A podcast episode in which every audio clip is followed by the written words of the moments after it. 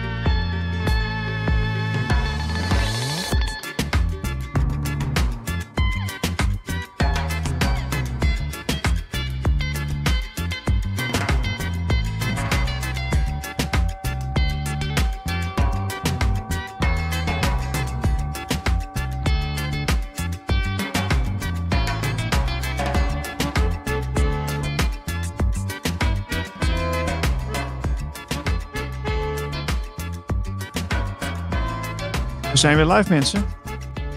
Radio Gletscher is er weer met uh, hoger bewustzijn, diepere radio. En we hebben weer een uh, bol, vol, vol bol programma. Het is echt gigantisch wat we vandaag hebben. Um, het is altijd goed als je binnen de eerste zin alweer over je woorden struikelt. Nou, Marlijn, hoe is het ermee?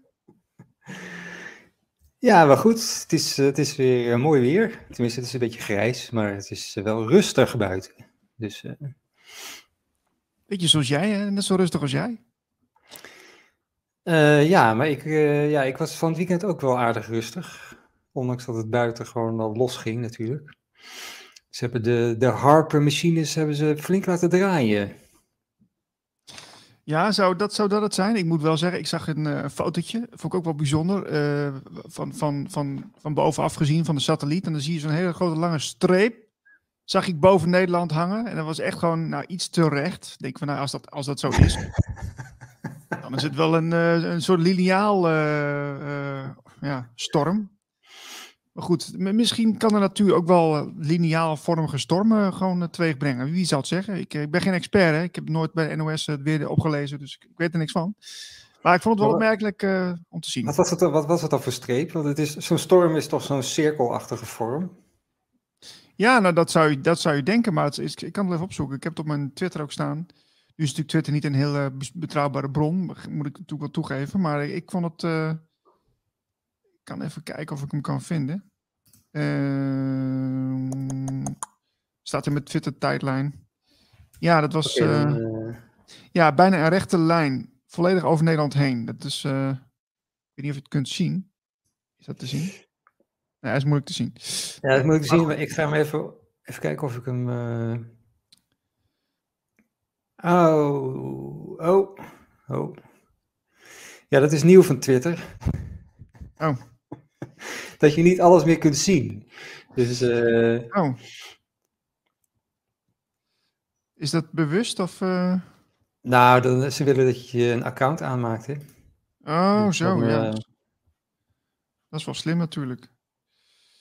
Uh, ja, oké. Nou, ik heb hem ook, ons ook weer even op Twitter gegooid en op uh, mijn uh, groepje van Telegram.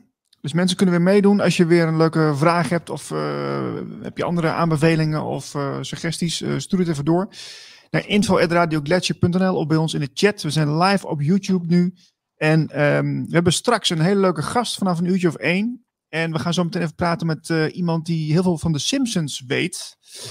Uh, dat is leuk, want de Simpsons, uh, ja, die, hebben, die schijnen allemaal voorspellingen te hebben gedaan in de series, in, in takefilmseries. En uh, nou ja, als je daar een beetje naar, naar kijkt, dan is het wel interessant. Van ja, goh, zou dat nou maar toeval zijn? Of ehm, zit daar misschien iets achter? Ja, interessant hoor. Daar gaan we zo even over praten. heb je mijn Twitter-account erbij? Ja, ik heb hem. Kijk, als je dat ziet, die, die rechte lijn die je daar rechts beneden ziet. Moet je eventjes naar beneden scrollen? Zie? Dat is toch wel raar? Ja.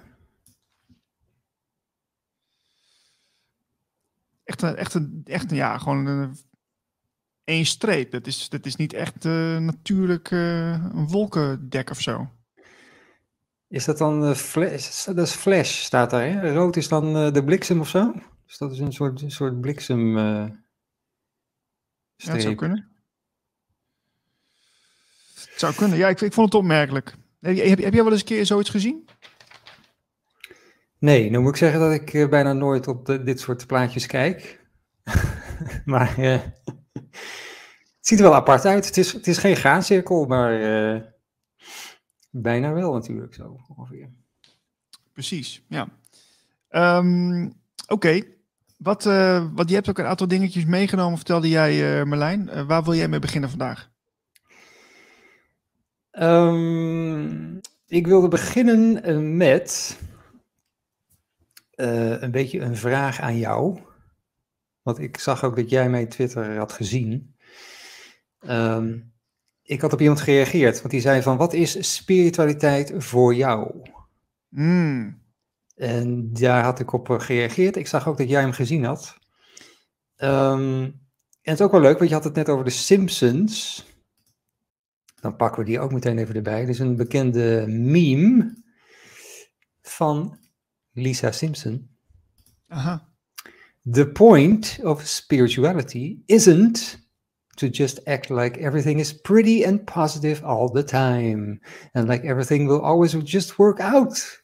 The point is to give you the tools to turn complex situations into opportunities and empower you to work through the heavy emotions you face in your daily life in a healthy, productive way. Komt, uh, komt niet echt uit de Simpsons, dus, uh, natuurlijk. Maar, uh, ja, dat is dat hele love and light en tralala. En laten we maar lekker positief blijven en alles komt goed. En ik hoef verder nergens over na te denken. dat is spiritualiteit dus niet. nee, nee, precies. Um, zal ik die van mij er ook even bij halen? Ja, je hebt ook je visie even gegeven hè, op, op social media. Mijn, uh, mijn visie, inderdaad. Je, be je beknopte.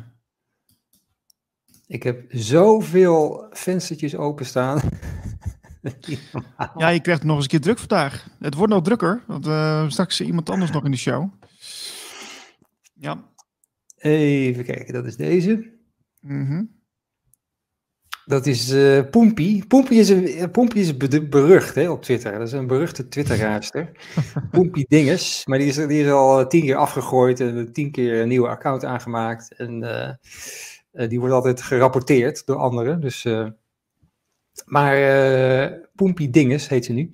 wat betekent voor jou spiritualiteit? Toen heb ik dus gezegd, het besef dat we spirits in mensvorm zijn dat ons gevoel de sleutel is tot de reden van deze incarnatie. En dat authenticiteit prioriteit nummer één is. Um, dus we zijn een, uh, ja, een, een, een, we zijn geen lichaam, we zijn een spiritueel wezen dat nu eventjes in een lichaam zit. En dat met dat gevoel, als je je gevoel volgt, dan kom je er vanzelf achter, uiteindelijk, wat je, wat je hier te doen hebt. Je, je, de reden voor, de, voor dit bestaan, voor deze incarnatie. En authenticiteit, ja, dat, dat is waarom je je bent. Dat is, dat is, je moet jezelf zijn. En, en uh, dat is natuurlijk ook een term uh, waar sommige mensen een beetje van in de jeuk, gordijnen jeuk van krijgen. Een beetje jeuk van krijgen. uh, ja, je moet je, je, lekker jezelf zijn. Dat is het enige wat je hoeft te doen. Oh, lekker. Ja, ja. Maar ja. daar, daar moet je jezelf wel kennen. Dus dan, da, daar hangt aan vast van een know yourself of know thyself. Uh, je moet jezelf kennen voordat je jezelf ook echt uh, altijd overal kunt zijn. Dus dat was mijn uh, reactie op Poempie. En toen was ik ook wel benieuwd hoe, terwijl Niels even met zijn telefoon aan het spelen is, ja, sorry, ik ben even iets aan het. Ik schiet me net iets te binnen. Dat wil ik ook even aan je laten weten. Uh, dat is het heel, ja, dat is. Schrijf het even op. Daar ga ik ook even wat over vertellen zo meteen. Uh, maar vertel, wat is je vraag? Nou ja, dat was mijn vraag. Uh, dat is eigenlijk dezelfde vraag voor jou. Wat betekent voor jou spiritualiteit? Wij krijgen namelijk die vraag ook wel eens. Want we ja. wij worden wel eens geïnterviewd, bijvoorbeeld, ja. door bladen. En dan krijgen we altijd de vraag, ja, jullie zijn een spirituele zender, maar wat, wat is spiritualiteit en wat is dat voor jullie? En, uh, dus, uh...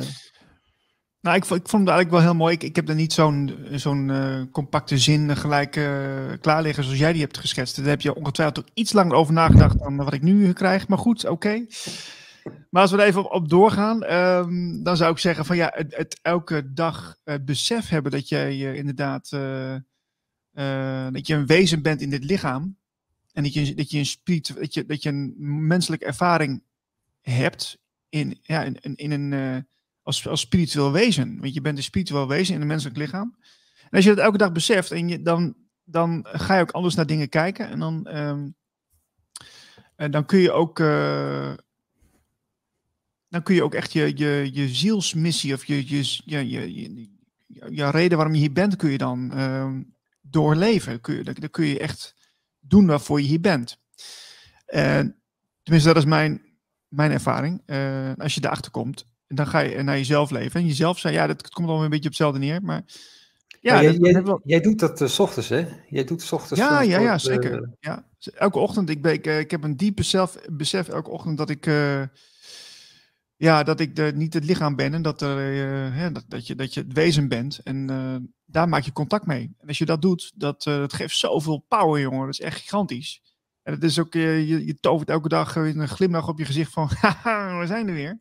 en we gaan gewoon weer, we gaan gewoon weer door met, met, met, het, met die mooie dingen. En dat, ook al lijkt het soms met, met zoveel, ja, tegenslag of dat het, dat het bij heel veel mensen niet aankomt of dat mensen niet begrijpen. Maar dat is juist wel weer de uitdaging. Want de, de mensen die, die zo gek zijn om de wereld te willen veranderen, die, uh, die gaan het doen. En zo is het.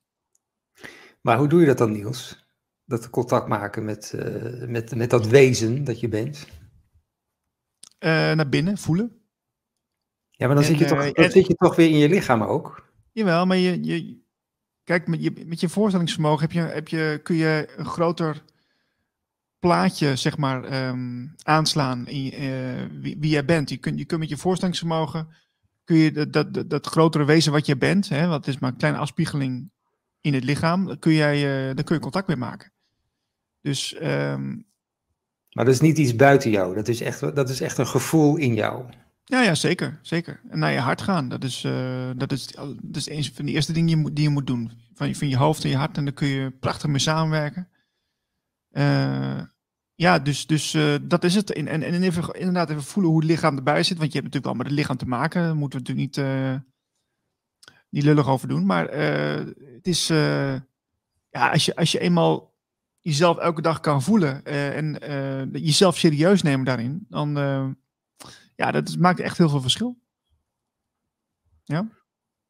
Ja, mij lukt, het, mij lukt dat niet, zo, niet zo goed, s ochtends. Want ik word altijd een beetje anders wakker. Ik heb elke dag dat ik uh, op een bepaalde manier wakker word en heb ik er zin in of geen zin in. En ik, ik, ben, ik ben heel um, sfeergevoelig of misschien wel droomgevoelig. Dat je net uit een bepaalde droomenergie komt of zo. -hmm. Nou, het lukt me niet elke dag even goed. Hè? Laten we dat even voorop stellen. Het is niet zo dat ik elke dag zo uh, gigantisch lekker in mijn vel zit en dat het allemaal goed te, te, te ervaren is de ene dag uh, ben je sensitiever dan de andere dag. En dat, uh, dat merk je ochtends al.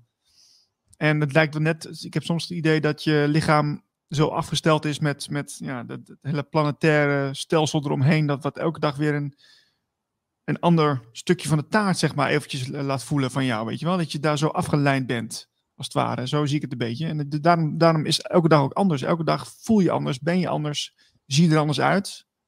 Uh, en uh, ja, is, is, is, uh, is de ene dag ook geschikter om dingen te doen dan de andere dag? Daar ben ik wel van overtuigd geraakt, ja.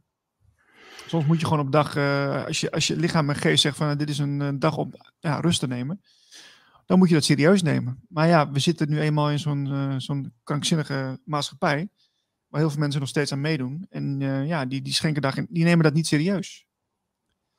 Dus ik uh, zie iemand uh, in de green room. Ah, wat leuk. Wat leuk. Dat, zal Ido Dijkstra zijn, want we gaan het hebben over de Simpsons. Goeiedag. Hoi Ido. Ja, hoi. Goedemiddag. Goedemiddag. Uh, Ido Dijkstra, je bent journalist van De Andere Krant. En uh, ja, we vallen gelijk eventjes in het, in het verhaal. Hè? Dat, daar gaan we lekker tegenaan. Uh, prima, prima. We zijn echt, echt, live, toch? Dit, we dit zijn live. Dit wordt niet Ja, dit is live. Nou, dat Oké. is wel op YouTube nu hoor. We zijn live. Maar dat maakt niet Oh, uit. jongens. Eh, dat geeft niet. We Ja, gaan er gewoon uh, tegenaan. Voor mijn stem. Ik ben, ik ben niet helemaal fit, dus mijn stem kan af en toe een beetje afslaan.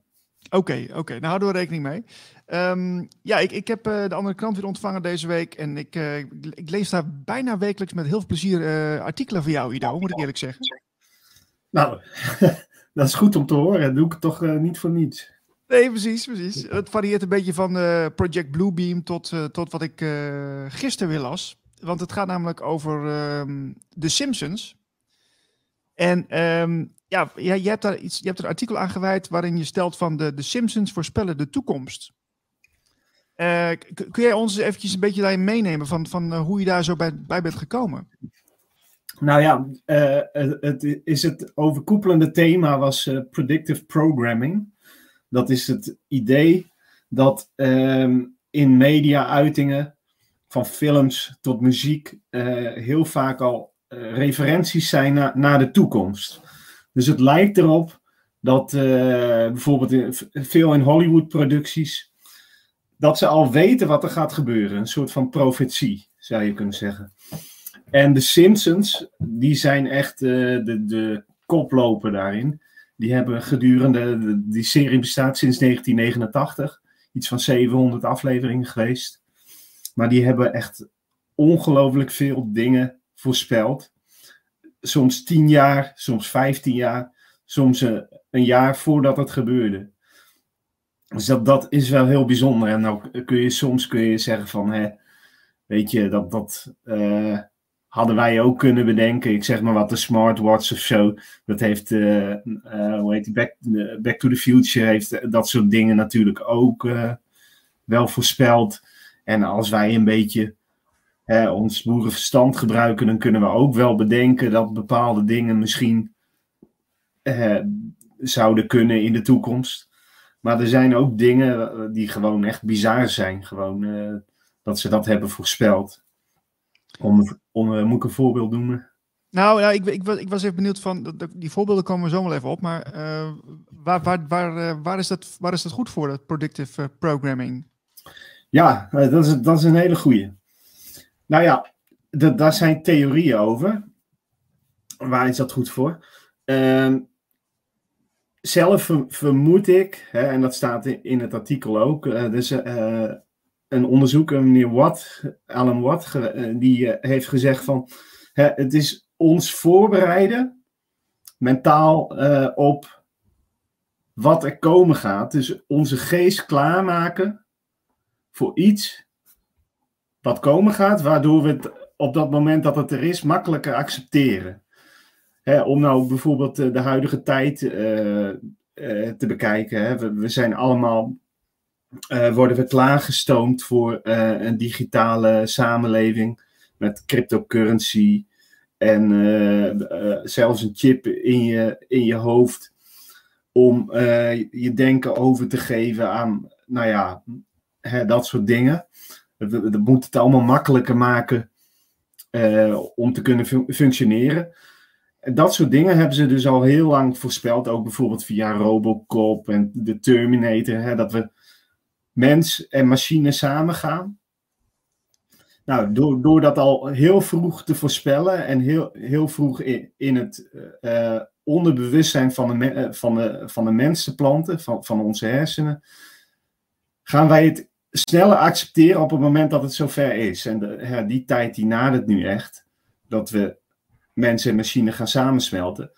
En juist door, door dit soort gekke voorspellingen te doen,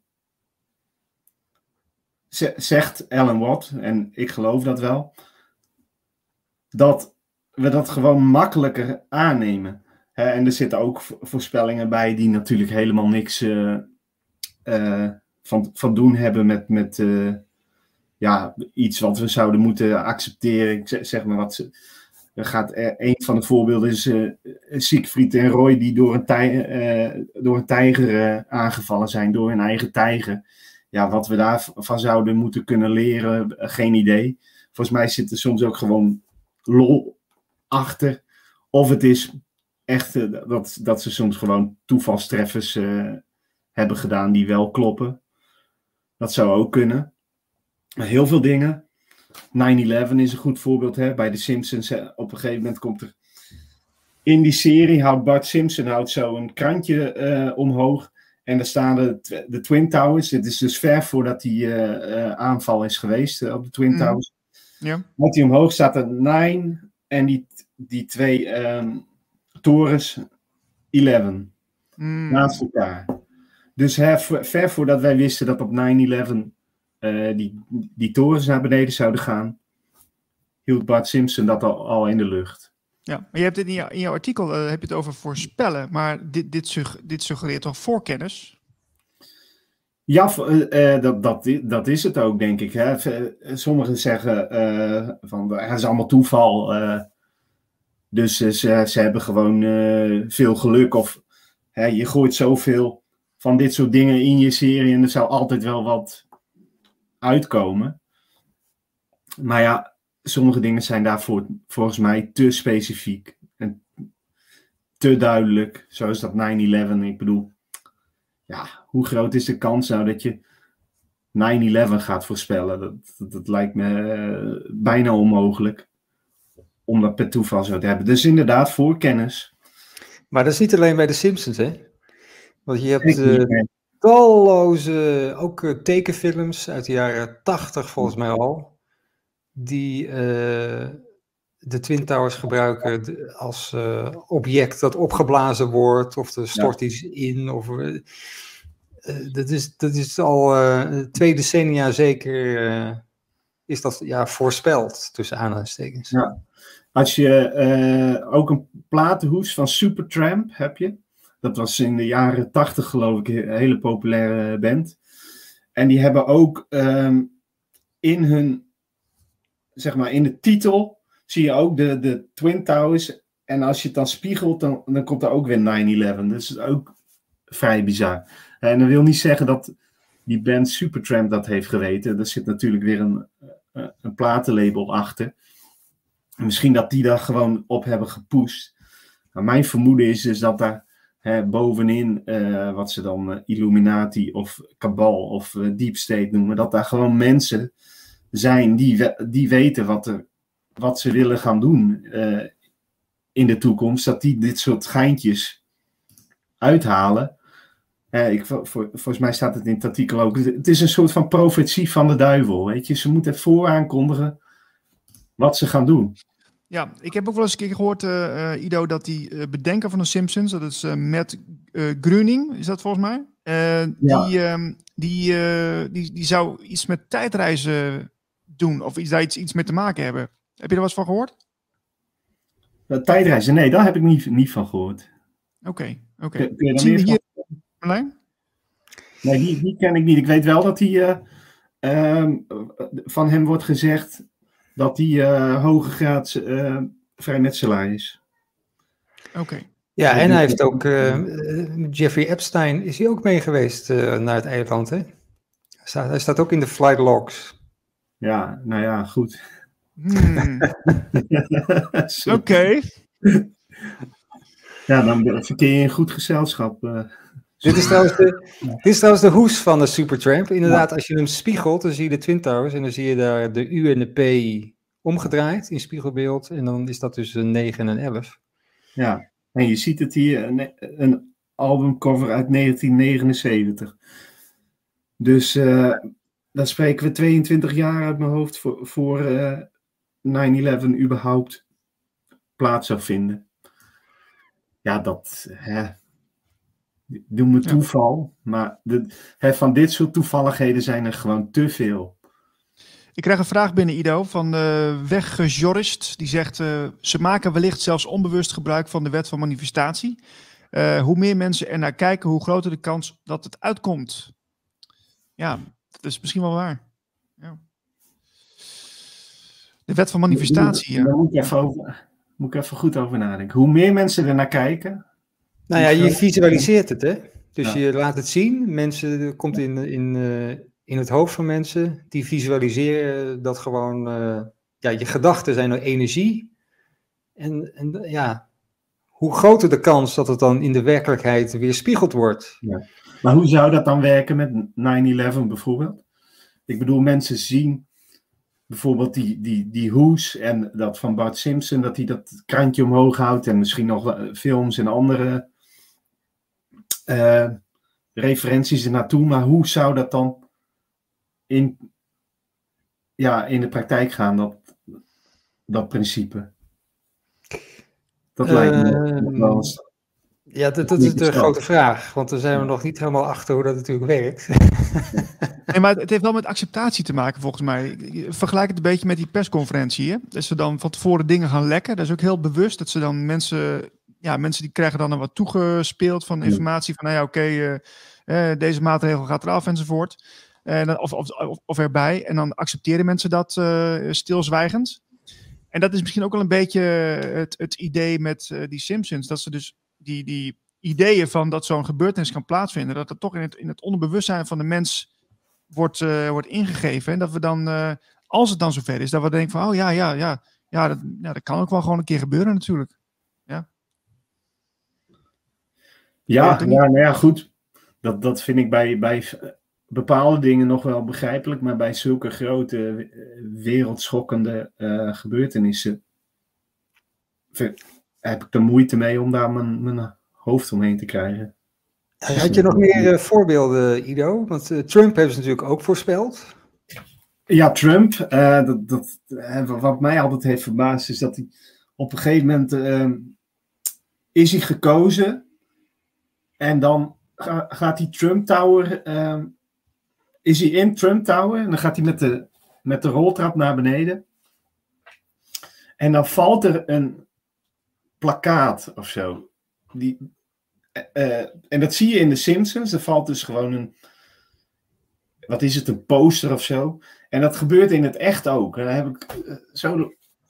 hoe kan dit dan? Hoe kun je dit voorspellen? Is, dat kan echt niet. Dat is niet zo. Dat is geen toeval. Dat kan niet. Nee, dat, dat, moet, dat moeten mensen echt op gaan zoeken. Van, van uh, Simpsons Trump Tower of zo. Dan, vind je het wel, denk ik inderdaad, hè, het lastige is dat, dat er ook veel mensen zijn die handig zijn met uh, computertechnieken en dus dingen gaan vervalsen. Hè? Dus zeggen van, hé, hey, dat hebben de Simpsons gedaan, maar dan hebben ze zelf zitten knutselen.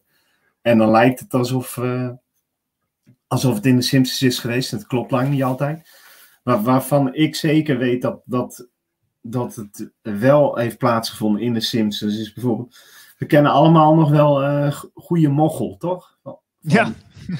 Nou, autocorrect, dat, dat, dat heeft, uh, is al ver voordat we überhaupt uh, smartphones enzovoort hadden. Is dat in de Simpsons ge geweest? Tikt iemand in Beat Up Martin en er wordt Eat Up Martha. Nou, de smartwatch is voorspeld, de ebola-uitbraak is in 1997 voorspeld, terwijl hij in 2014 was. Higgs boson, dus het God, deeltje, dat is door uh, de, uh, onze verlichte geest Homer Simpson um, uitgetekend op een bord in 1998. En dat is door, volgens mij door CERN pas in 2012 uh, eh, ontdekt. Nou heeft New York Times heeft daar zelfs een, een artikel aan besteed. En gevraagd van hoe konden jullie dat nou weten bij de Simpsons? En de uitleg is dan, ja, veel van de schrijvers van de, van de Simpsons zijn wiskundigen. dus, ja, mooi toch? Ik kan er wel lachen. Uh, ook hele, ja, ik zou bijna zeggen oppervlakkige dingen als de overwinning van de Verenigde Staten op Zweden bij het curlen tijdens de Olympische Spelen van 2018. Dat is ook voorspeld. Acht jaar eerder al. En uh, de Hangover, de, het hele script van de Hangover. Ik weet niet of jullie die film hebben gezien, maar op een gegeven moment wordt er een, ja. een van Mike Tyson. Dat heeft al bij de Simpsons plaatsgevonden. Nou kun je natuurlijk ook zeggen, dat, dat heeft de Hangover gewoon gejat uit de Simpsons. Dus hè, dat, dat hoeft nog niet... Uh...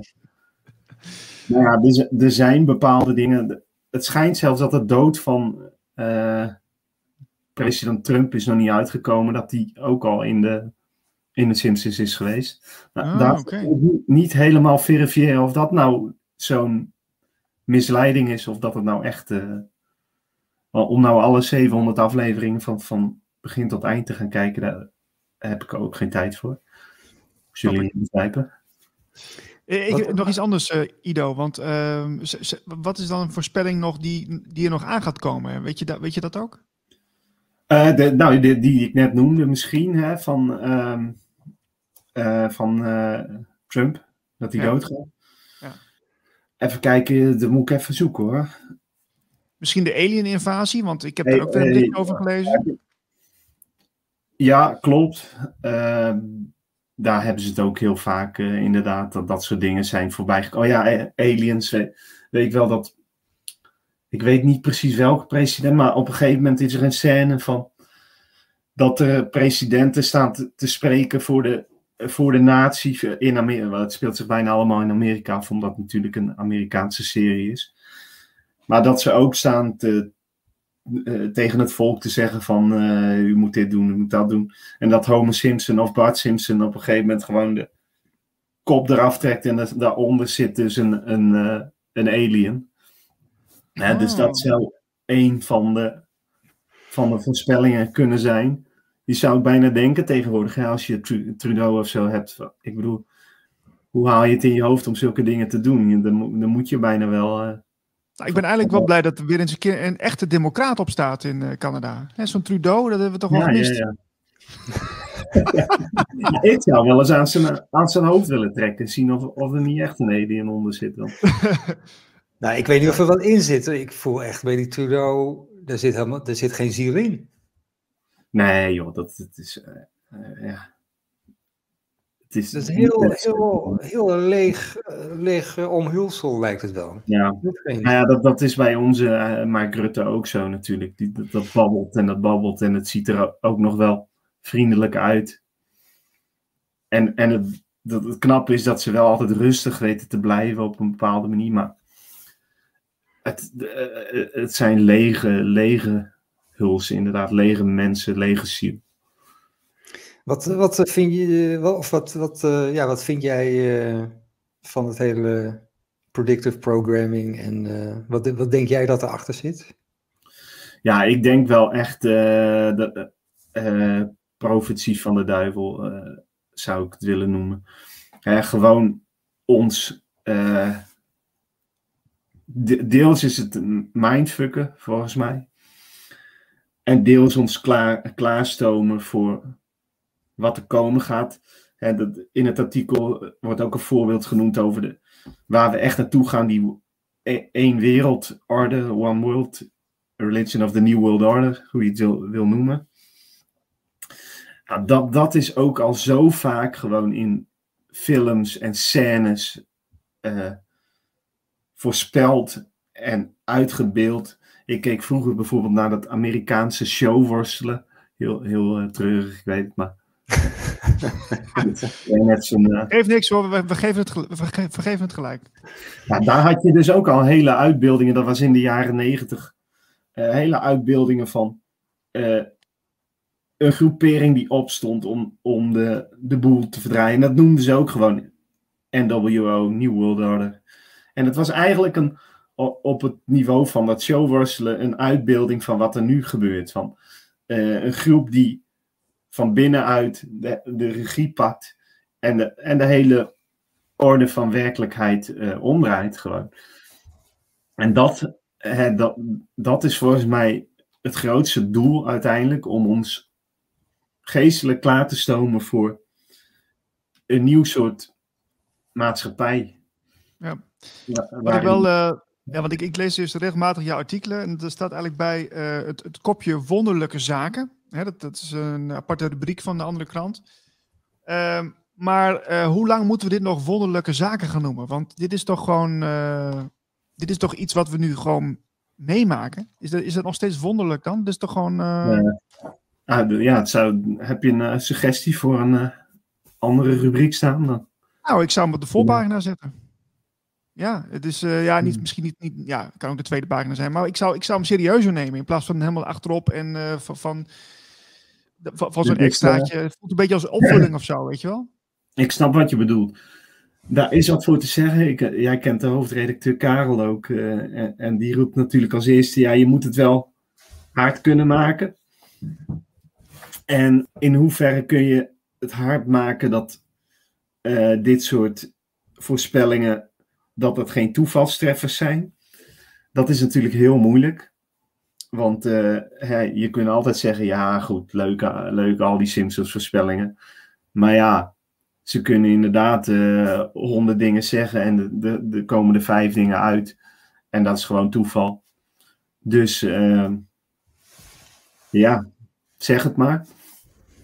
Um, maar ik denk wel dat mensen, en zeker de, de laten zeggen, de mainstream getrainde geest, een keer af moet van dat vrij domme idee om alles uh, wat afwijkt van wat ze geleerd is te, te scharen onder wappie of conspiracy.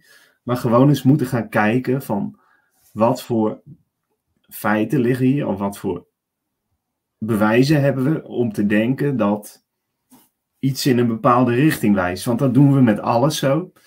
als we het over conspiracy, uh, als we het daarover hebben, dan zeggen mensen, ja, ik geloof niet in complottheorieën. En dan zeg ik dus altijd tegen ze van, oh, wat, vond je van Peter R. de Vries dan? Hè, nou ja, meesten vinden het wel een, uh, vonden het een lul. Uh, maar dat, daar gaat het even niet om. Vonden wel allemaal een, allemaal een goede, goede journalist. Een goede misdaadverslaggever. Dus, maar als je even een paar stappen verder gaat, dan kom je, kom je wel op het punt dat wat hij deed was complotten uh, ontrafelen. Hè? Dus diezelfde mensen die zeggen van ik geloof niet in complotten, die, die zeggen wel dat ze Peter de Vries uh, waarderen om zijn werk, het ontrafelen van complotten. Dus die complete onlogica in, in denken van mensen, die moet doorbroken worden. Want anders, hè, als je niet open staat voor een realiteit die anders is dan wat je geleerd is, dan ga, ga je gepakt worden op, op datgene wat je al bij voorbaat al uitsluit. En ik denk dat dat met heel veel mensen aan het gebeuren is, zeker als het gaat om, om dat vaccin en om, om al die dingen die er nu spelen. Ze gaan er allemaal blind in mee, omdat de media dat zeggen. Maar kom op, bevraag het, weet je. Bevraag dit ook. Ido, Ido, het is wel lastig want met dit soort dingen, met die predictive programming en zo.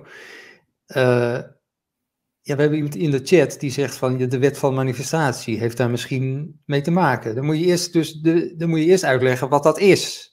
Ja. Uh, met, uh, je zegt net, uh, de bedenker van de Simpsons is vrijmetselaar. Moet je eerst uitleggen wat dat is en wat, wat die doen. Dus er zit een, heel, er zit een soort heel erg uh, lang voortraject van, van allemaal informatie die bij de, ja, ja in, in, in het uh, algemeen niet bekend is bij mensen. Dus dat moet je eigenlijk dan ook nog eerst vertellen voordat, voordat je bij de Simpsons uitkomt. Klopt, maar ja, je zou toch verwachten dat mensen uh, zelf ook wat uh, meer hun best doen om, om erachter te komen hoe dingen zitten. En ik snap wel dat, dat niet iedereen de tijd heeft om alles te onderzoeken en dat dit misschien een onderwerp is dat, uh, dat niet bovenaan het prioriteitenlijst staat. Maar andere dingen, bijvoorbeeld, ik zeg maar wat alleen al even onderzoeken waar, dat vaccin nou vandaan komt, wie erachter zit enzovoort. Dat heeft gewoon directe invloed op, op jouw functioneren. En dat mensen dat gewoon aannemen omdat er ergens op voorpagina van, van de Volkskrant of het AD of de NOS staat van dat het, dat het wel werkt, omdat Osterhaus het zegt. Ja, daar kan ik echt met mijn hoofd niet bij. Gewoon, dat, dat mensen zo simpel kunnen redeneren. En die, die, uh, dat gebrek aan diepgang, weet je, dat, dat, daar kan ik niet bij. en als je die eerste stap zet, dan wordt de volgende stap richting uh, dit soort onderwerpen ook weer, weer uh, lager. Ja, de, de, cognitieve dissonantie, hè, die psychologische term hoor je best wel veel de laatste jaren, die is, die is best wel groot. Want uh, zelfs bij, ja, ik zag gisteren toevallig een documentaire die, uh, die ik even gemist had. Dat was die documentaire van Boos. Hè, over dat schandaal bij John de Mol en nee, The Voice. En ehm, toen werd John de Mol ook nog even geïnterviewd. En die ja, die ging ook gelijk van ja, moeten, die, die meiden moeten maar meer van zich afbijten. Die moeten meer, die moeten gewoon, gewoon naar, naar mensen toe gaan als ze, als, als ze aan hun gezeten worden of als ze zich onprettig voelen. Maar helemaal niet, niet kunnen beredeneren van goh, er de, de, de zal ook nog eens een, ergens een, een daderrol kunnen zijn bij, de, bij die mannen daar of zo. Je, weet je wel, dat is, dat is ook een cognitieve dissonantievorm van ja, ik kan, ik kan me niet voorstellen dat ze dat doen of dat het, dat het echt zo is zoals het gezegd wordt. Dat is echt gigantisch. Ja, dat, dat is zo al denk ik in, in het geval van, van uh, John de Mol dat het uh, volledig hypocriet is. Want uh, als je goed luistert naar de statements, dan wist hij dit, dit dus al ver van tevoren. Mm. Dus dan, dan is zijn, zijn uitdrukking een beetje vreemd. Denk ik. Ja, ja dat, dat valt misschien wel voor te zeggen. Maar ja, het is, het is voor mensen ook gewoon zo lekker comfortabel om weg te kijken, weet je wel. Je, hoeft, uh, je hoeft niet in actie te komen. En uh, nou ja, zolang de rest van de familie ook gewoon ja knikt uh, tijdens het kerstdiner, dan zit het toch gewoon goed. Maakt niet uit. Ja, ja, de, ja ik, vind, ik vind het inderdaad, ja, ik weet uh, van, van, dat jij in je familie uh, dezelfde problemen hebt. En uh, dat zul je. Merlijn was het, hè? Wij hebben elkaar nog niet ontmoet. Nee, dit is onze eerste keer. Ja, eerste keer. aangenaam. Jij zult waarschijnlijk hetzelfde hebben. En, en, vermoedelijk de mensen die, die luisteren ook. Ik kan ook al tijden niet met mijn vader praten. Terwijl die vroeger dacht ik dat hij redelijk nuchter en verstandig was. Maar... Ja, het is heel erg het geloof in de autoriteit, volgens mij. Dat je gewoon de, de autoriteit gelooft. Dat, ja, dat is de autoriteit. Die, die hebben daarvoor geleerd. Die zitten op posities. Dus de, daar kan je gewoon vanuit gaan. Die weten meer dan ik. Dus daar kan je gewoon vanuit gaan. Dus dat, dat blinde vertrouwen in, in de, de autoriteit is, uh, is denk ik uh, wat hier uh, aan ten grondslag ligt. Het zou kunnen, maar kijk, als ik mijn vader dan spreekt, dan zegt hij wel van ja, ik uh, nou hij heeft hij nooit gedaan, maar ik zou zeker niet op Rutte stemmen en ook niet op, ja, ik zeg maar wat, dan is er een, schandaal rond, nou ik noem maar wat, Jesse Klaver, dan zou hij daar ook niet meer op stemmen. Dus in die zin komen ze wel tot inzicht dat dit soort autoriteiten ook gewoon me mensen zijn en, en enorme grote fouten maken. En dat mag ook hoor. Ik bedoel, wij maken ook fouten. Dus als Rutte gewoon oprecht zou zijn en hij zou fouten maken, zou ik hem dat, uh, nou ja, wel kwalijk nemen, maar ook vergeven. Maar het probleem is volgens mij, of wat, wat mijn uh, indruk is, is dat mensen gewoon zich laten vertellen door, vooral door de mainstream media en door, door hoe, hoe zou ik het noemen, de, de, uh, ja, het voorgeschreven narratief. Gewoon als je maar vaak genoeg herhaalt en dat breed genoeg gedragen wordt door uh, wat jij inderdaad noemt de autoriteiten en de media en de dit. Een soort van uh, ja, groepering die, die altijd bepaalt wat, wat wij moeten denken. Als die dat, in, in koor roepen, dan gaan ze daarin mee. Terwijl eh, dat hoeft al helemaal niet meer logisch te zijn. En dat, is het, dat, dat komt nu zo ontzettend uh, uh, op de voorgrond in, in, in dit corona-verhaal. dat het. Hè, waarom gaan we niet gewoon terug naar. Oké, wat wordt er gesteld?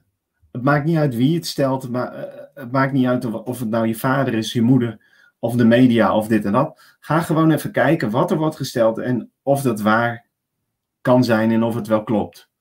En, en sommige dingen gaan, inderdaad, uh, zijn heel moeilijk voor ons, uh, want we hebben niet allemaal universitaire studie uh, medicijnen gedaan of zo.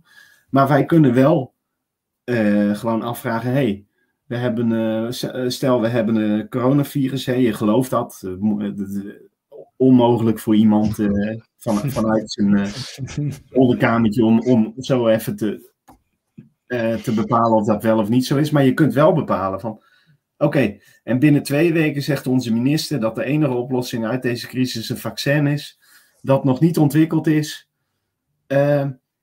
en van vaccins weten we dat dat minimaal 5 tot 10 jaar duurt voordat het überhaupt op de markt is en het is er nu binnen een jaar. Ja, dan kan je toch zelf wel bedenken dat het gewoon niet kan. En dat je dan gewoon moet zeggen van, goh, weet je, oké, ik geloof dat nog, dus ik doe het, maar de mensen die, dat, die daar niet vertrouwen in hebben, omdat het gewoon niet een normaal proces is, dan zou je moeten zeggen, joh, respecteer ik, want ik snap heel goed jouw argumentatie dat, dat je dat niet kunt vertrouwen op basis van zo'n snel, uh, snelle procedure. En dus mag je ook niet uitgesloten worden, omdat het gewoon niet kan zo, zoals het gaat.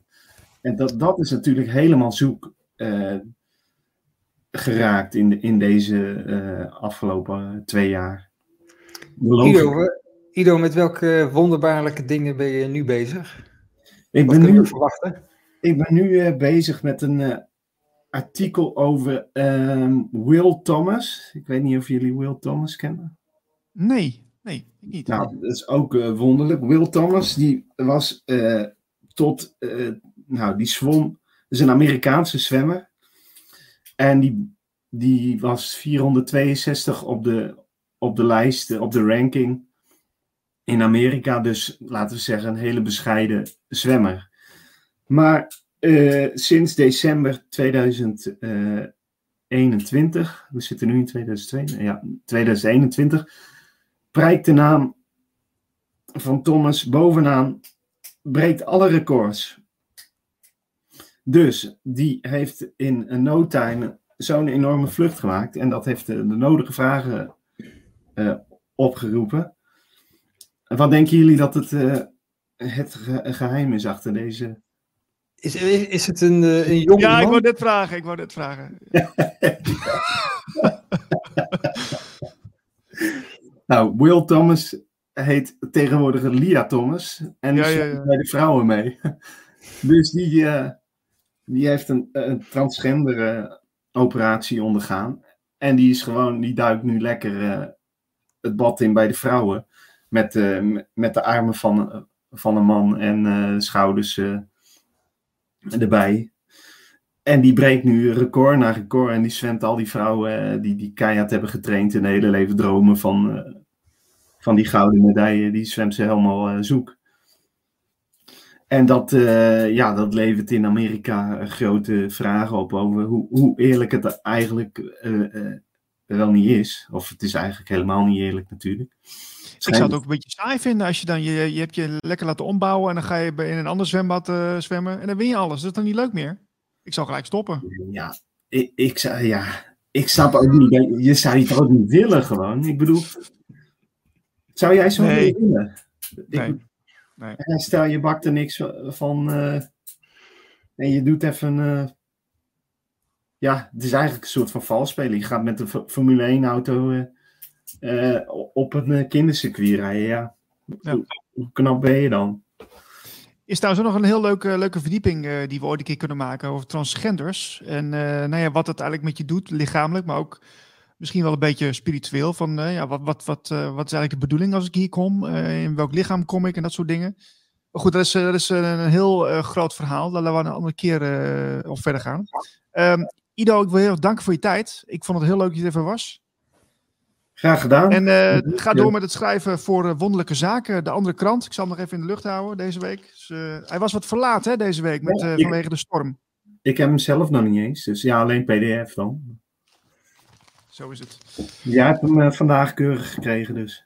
Ja, ja, ik had hem gisteren opgehaald, want ik was gisteren even op de redactie. Oh, ja, tuurlijk. Volgens mij natuurlijk niet missen, uiteraard. Ja. Ido, dankjewel. We spreken elkaar snel. Bedankt. Hoi, hoi. Hoi. Hoi, hoi. Leuk. Ja, dat zijn mooie onderwerpen. Ik heb ook hier, eh, kijken. Wordt er nog gereageerd in de chat verder, eh, Merlijn? Kijken. Ja, meneer, meneer Weggejorst, die... eh ik kan even, even kijken hoor. Ik kan het wel even op het scherm halen.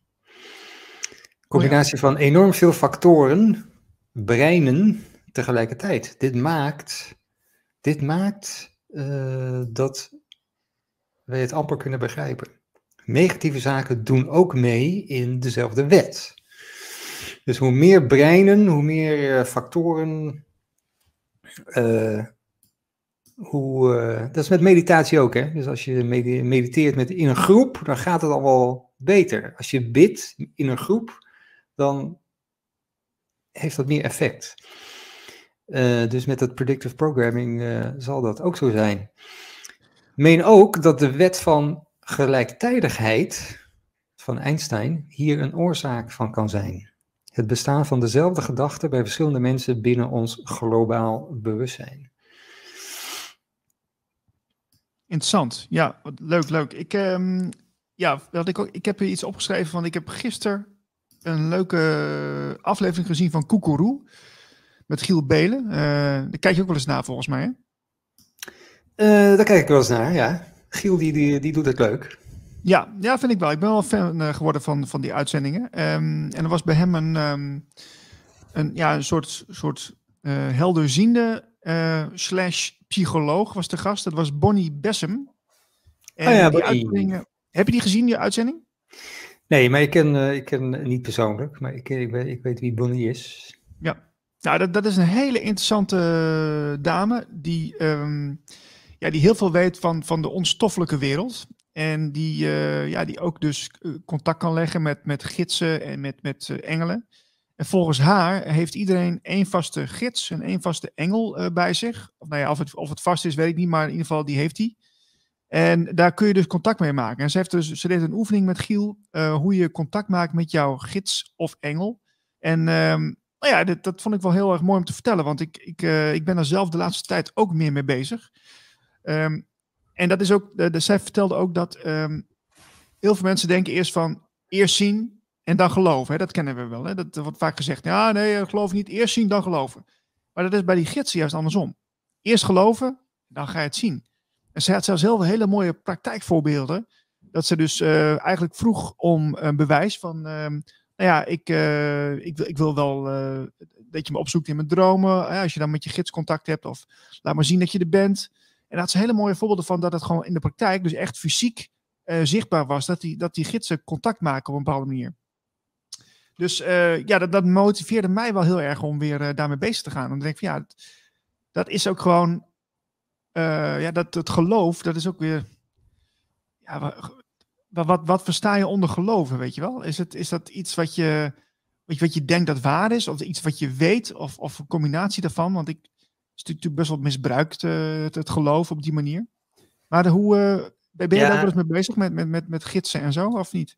Nee, dat niet. Maar met, met dat geloven, dat, ik uh, probeer dat altijd te, te, vermijden, dat woord. Want volgens mij gaat het veel meer om ehm, intentie, maar dat is natuurlijk ook vaag. En weten, en dat is natuurlijk ook vaag.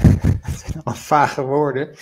Maar um, volgens mij gaat het niet om geloven, het gaat om je inbeelden en invoelen ook. Um, en dan je afvragen van, oké, hoe zou dit voelen? En dan voel je hoe het zou zijn. Dus ook met engelen denk ik, dat dan voel je van, oké, als stel dat er een engel is, hoe voelt dat dan? En dan ga je dat helemaal inbeelden en invoelen. Ja, dat, dat is een soort geloven natuurlijk. Maar dan ja, als een soort uh, spelletje. Ja, maar je bent ook bezig met je voorstellingsvermogen. Dus, dus je, je stelt je dat voor. Dus ergens is die informatie. Hè, stel me altijd een beetje voor dat je in een soort uh, energiekokon zit, zo om je heen.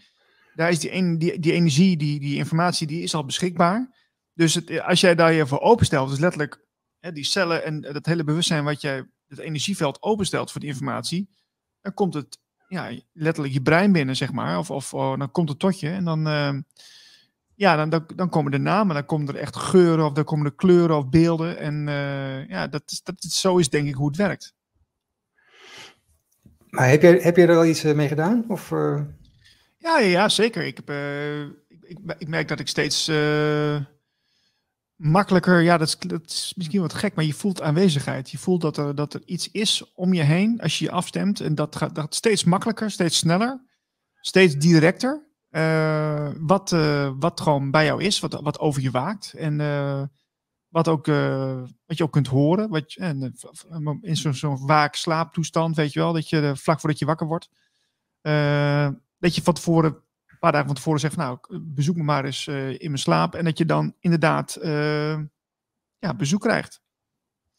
Dus dat, dat zijn wel duidelijke tekenen van, hé, hey, dus er is meer. We krijgen weer een berichtje binnen. Dus Etje AV, leuke naam. Ik zit ergens mee, zegt Etje. Gisteren zit ik een film, zet ik een film op, wat ik nooit kijk, en het ging over het onderwerp. Heel toevallig. Of en welk onderwerp bedoelt je? Synchroniciteit. Ja, ja, ja, ja, ja. Ja, ja dat, is, dat is synchroniciteit, absoluut. Ja, ja. Maar kun, je, kun je die, eh, die, die uh, oefening van Bonnie kun je die uitleggen? Je hoeft niet te doen, maar is die kort uit te leggen? Of, uh... um, nou, ze, ze, ze vraagt eigenlijk, uh, je kunt je ogen dicht doen en dan, dan vraagt ze eigenlijk aan jou van nou, ja, stel, stel je eens voor dat er een gids uh, is en wat, uh, ja, wat voor naam komt in je op? wat voor beelden krijg je door? maak het eens meer visueel. een beetje meer steeds doorvragen, zodat je zelf eigenlijk wordt, wordt, um, wordt toegeleid om dat, om dat voor te stellen, om dat, om dat zelf ja, te doen. Is dat een beetje, snap je wat ik bedoel? Jawel, uh, en dat is, uh, er zijn meer van dit soort oefeningen. En dat is altijd heel lastig, omdat je, je, je gaat helemaal erin mee, hè. Het is een mhm. soort, uh, je duikt ergens in, eigenlijk. en ik heb dan altijd zelf altijd de neiging om, um, ik, wil, ik wil het onthouden ook. Dus dan ga ik het, dan, dan maak ik het mee dan voel ik allemaal dingen en dan, dan wil ik dat onthouden. Dus dan ga ik dat herhalen. Maar dan ben je eruit. Dus, dan, dus, dus, dus uh, dat vind ik lastig, dat je, dat je steeds wordt teruggetrokken eigenlijk naar zeg maar, het hier en nu. Mm uh, en niet bezig met, met, met, die, uh, met die oefening. Omdat je je toch niet helemaal over durft te geven aan, aan het moment waar je mee bezig bent.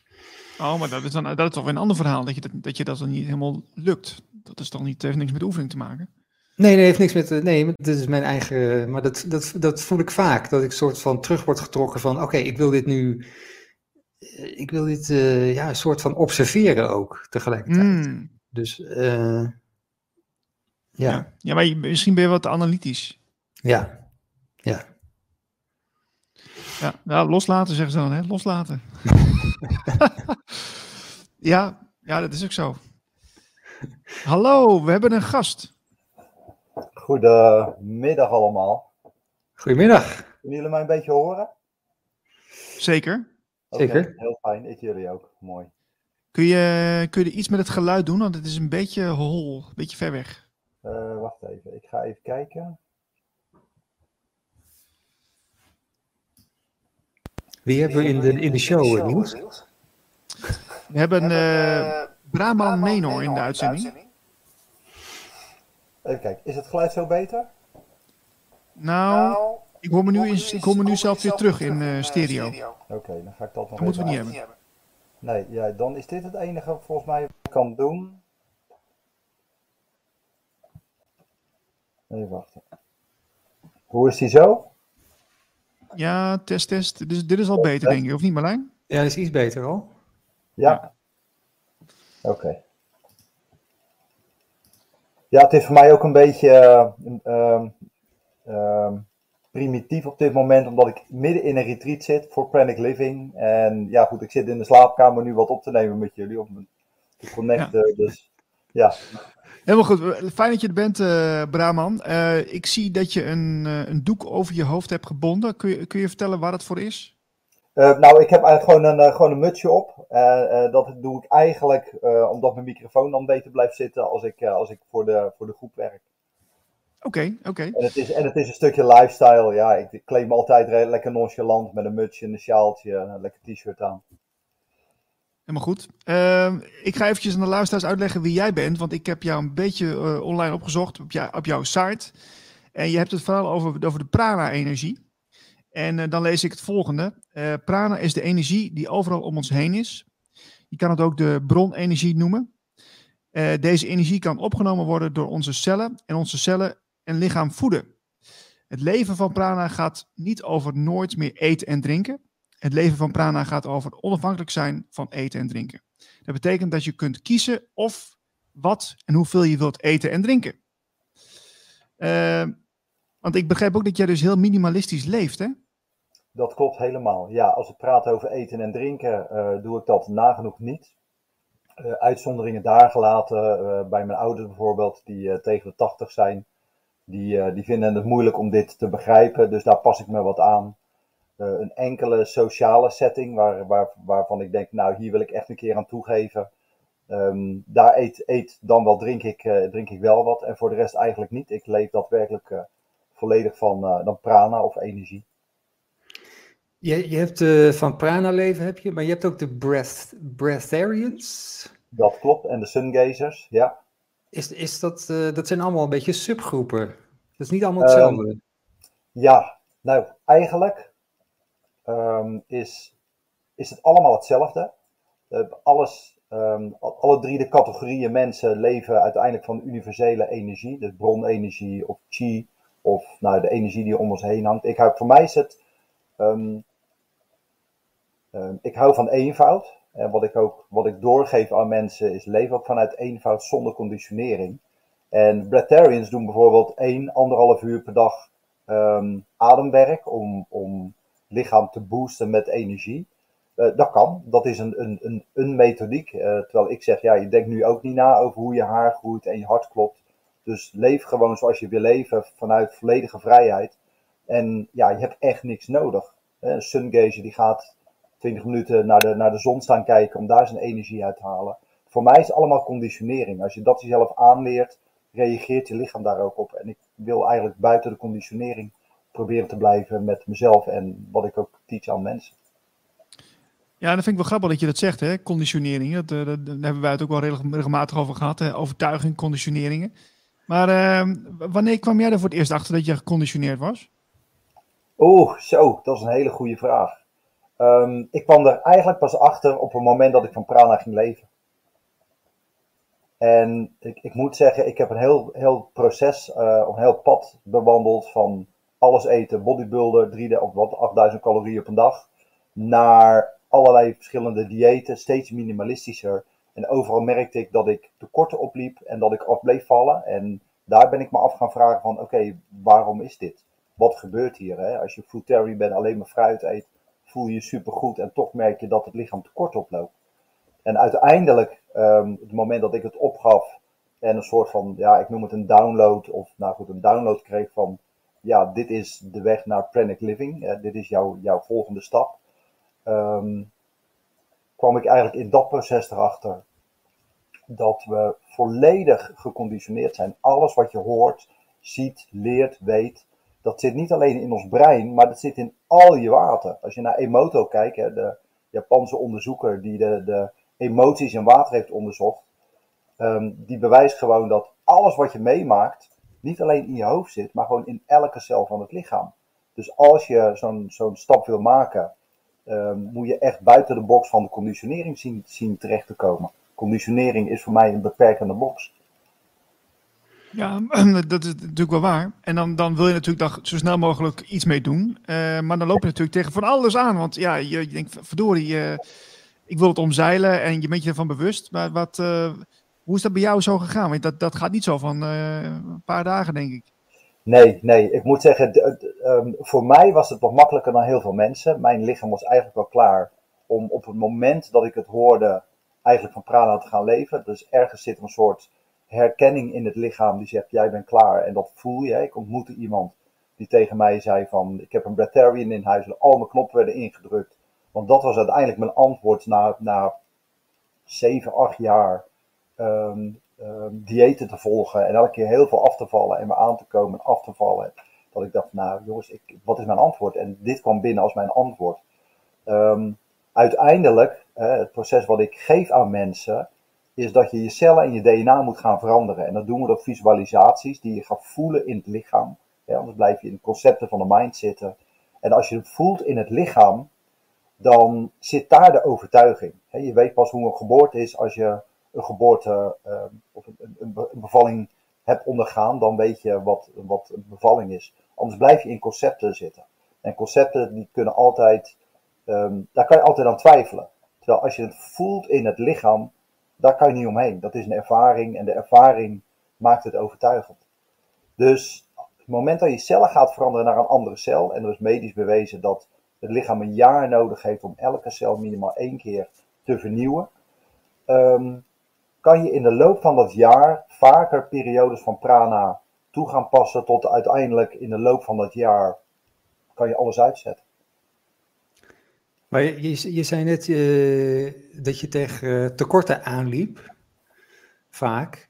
Ja. Hoe, hoe, hoe kan het nou dat je, uh, als je eet, tegen tekorten aanloopt en als je niet eet, niet?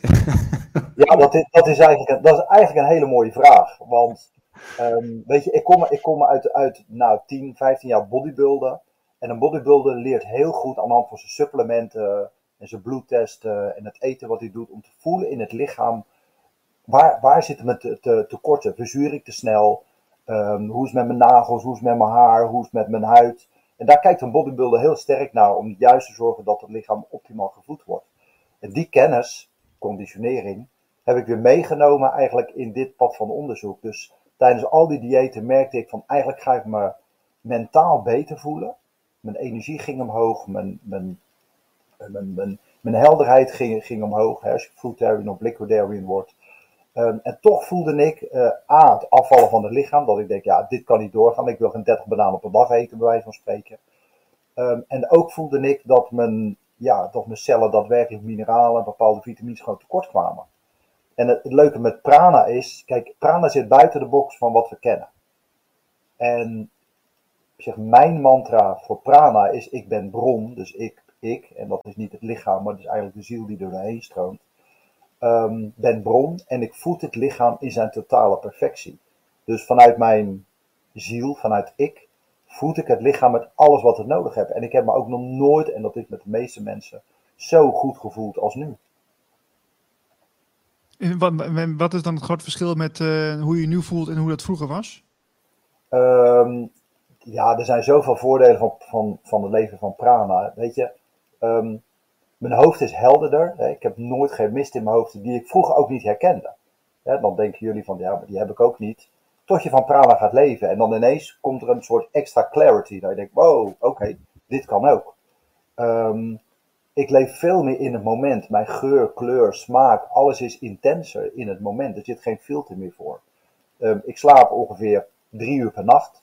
Ik, ik, ik lig op bed drie uur per nacht, zo moet ik het zeggen. En ik slaap um, eigenlijk een uur om de dag dat ik werkelijk volledig weg ben.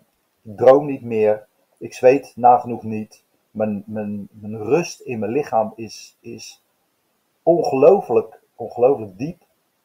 Alleen maar omdat de stress van eten gewoon eruit is. Dat ervaar je als je al drie dagen droog vast. Dan voel je dat het lichaam van binnen super stil wordt. Ja, en zo, zo, weet je, je geeft minder geld uit. Even een heel praktisch dingetje. Ik bespaar 700, 800 euro in de maand aan geld. Gewoon door niet te eten en te drinken. Hoe makkelijk is dat? Ik ga nooit naar een Albert Heijn of een supermarkt los van ja, wat schoonmaakmiddelen en één keer in de drie maanden twee rollen toiletpapier. Want ook daar doe je niet meer aan mee. Dus het heeft echt ongelooflijk veel voordelen. Los, los daarvan, um, het proces van werken aan emotionele lagen in zo'n week Ehm, het veranderen van je cellen, dus het loslaten van die oude conditionering en die trauma's, het werken aan emotionele lading, ja, is, is voor heel veel mensen gewoon fysiek healend. Als je, als je hiermee begint, want je, je begint een beetje uh, ja, voorzichtig, denk ik. Ja. Uh, maar dan, je komt wel tegen dingen aan, uh, tegen een soort gevoel van, oh jee, oh jee, oh jee van uh, ik ben nu niet aan het eten, straks val ik dood neer. En dan toch, en dan toch, en dan toch door blijven gaan. Ja, nee, nee, eigenlijk niet. Um, laat ik het zo zeggen. Als eerste, als eerste wat belangrijkste is, dit, dit proces moet je nooit zelf doen. Want er moet een overtuiging in jouw lichaam komen te zitten die echt gevoeld en ervaren heeft dat je van prana kan leven wij doen elke dag meerdere visualisaties waarin je iedere keer weer naar binnen gaat en voelt dat het lichaam omschakelt. Dat voelt van, ik ben volledig vrij. Weet je, ik, ik, ik leef van prana en dat, dat moet echt een ervaring worden. dus nog, nogmaals, anders blijf je erin geloven. En geloof is een concept in de mind. Daar ga, je niet, daar ga je het altijd van verliezen.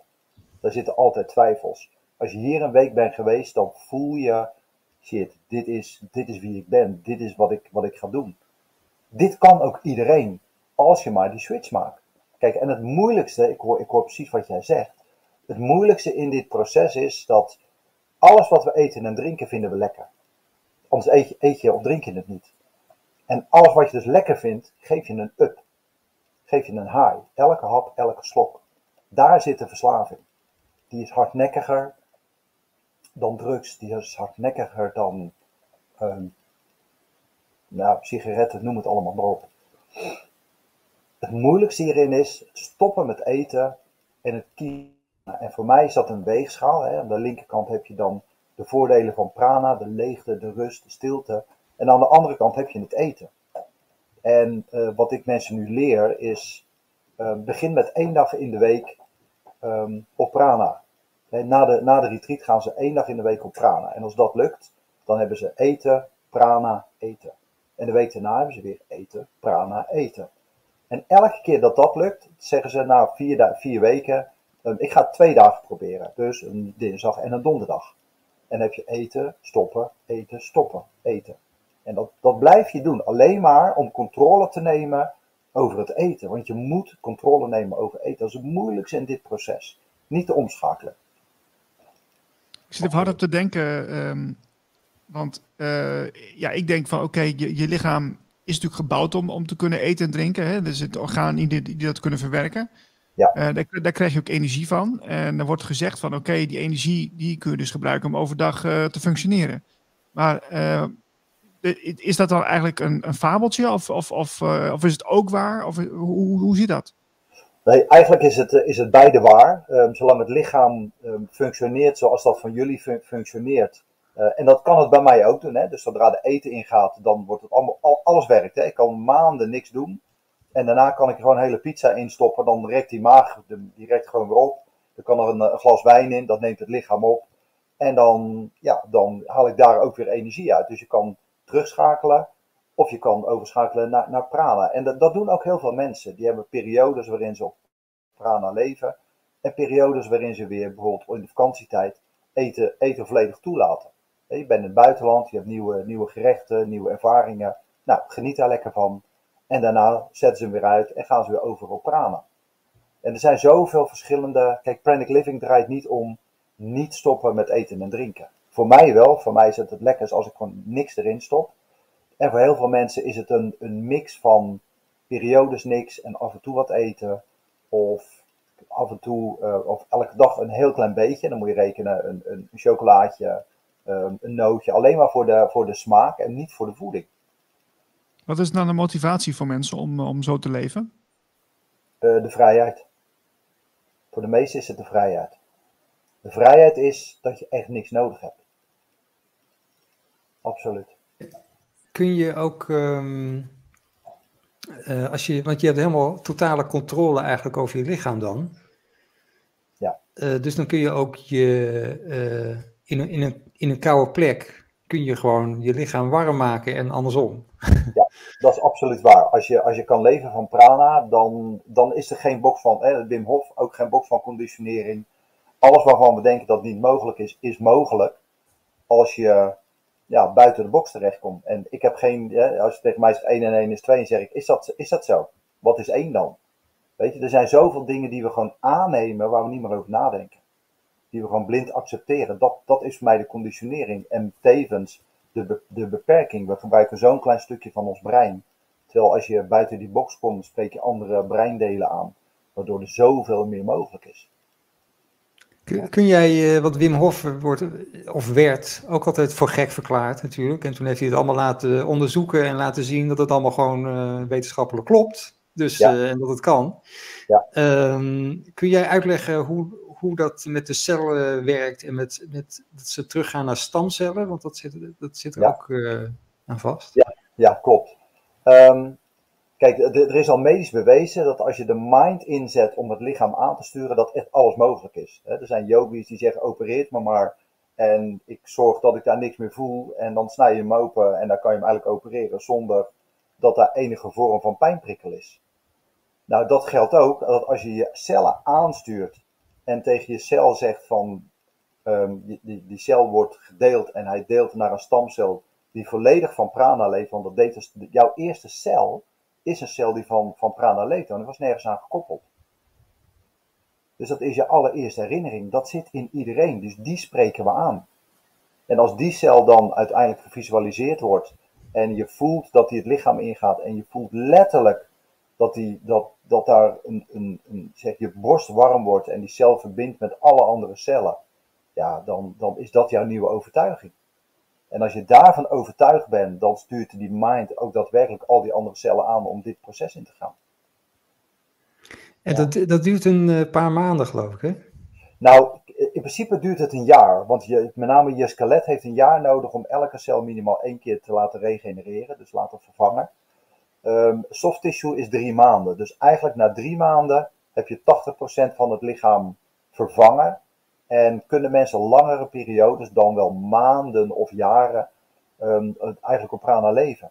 Nog steeds in dit proces kan je na, na pak een beet 6 tot 13 weken de switch maken. Alleen zitten daar mensen nog steeds met de worsteling van eten. Vandaar dat mijn, mijn dieet gewoon een jaar, jaar is en elke keer ga je die prana-periode verlengen. En in het begin val je nog wat af, dat is de twijfel van de mind. En dan kom je weer wat aan met eten en je valt weer wat af en je komt wat aan. En die twee, die, die, die, um, die verschillen, die worden in de loop der tijd steeds kleiner. Als, ik, als, als mensen nu zeggen van, joh, ik heb een paar, paar weken gegeten of een paar maanden gegeten en ze zijn een jaar verder. En ze zetten hem daaruit, vallen ze nog 2, 3 kilo af. En dat is alleen maar darminhoud. Ja. Oké, um, ja, ik, ik, vraag me even hardop af, hè, want um, er wordt ook gezegd, mensen zitten ook in een soort evolutie uh, op een bepaalde manier. Uh, ik zie dat meer als, als een spirit die daar, uh, die daar een rol in speelt, maar zie jij het leven van prana ook als de volgende stap in evolutie? ja, absoluut. Um, en dan moet ik er wel bij zeggen, wat jij zegt zie ik ook. Maar ik, ik zie ook de verschillen op de aarde. Dus daar waar wij in de westerse wereld met name de tijd en de ruimte hebben en het geld om dingen te onderzoeken en te ervaren. En ook gelijktijdig gaan zakken van de, de veiligheid, de pensioenen, de, de hypotheken naar kleiner. Hè. Tiny houses is een hele nieuwe trend. Uh, geen vaste baan is een nieuwe trend. Vrijheid in reizen is een nieuwe trend. Um, doen ze in India en zo precies het uh, tegenovergestelde. Daar gaan mensen juist um, geld vasthouden, materie kopen. Daar gaan ze eigenlijk precies de andere kant op. Dus daar waar wij um, 50, 60 jaar na de Tweede Wereldoorlog hebben opgebouwd en er nu aan het loslaten zijn, doen zij precies tegenovergestelde. Dus daar gaat um, het spirituele wordt daar wat losgelaten. Mensen gaan meer, meer werken, harder werken, minder uit de, uit de survival modus en meer in de, ja, de, in de, richting de comfort en de zekerheid. Dus ja, dus, dus ja, eh, ja is, is het overal? Nee, dat is niet mijn overtuiging. Um, hoort het bij de westerse, westerse wereld nu als een verandering? Ja, daar ben ik wel van overtuigd.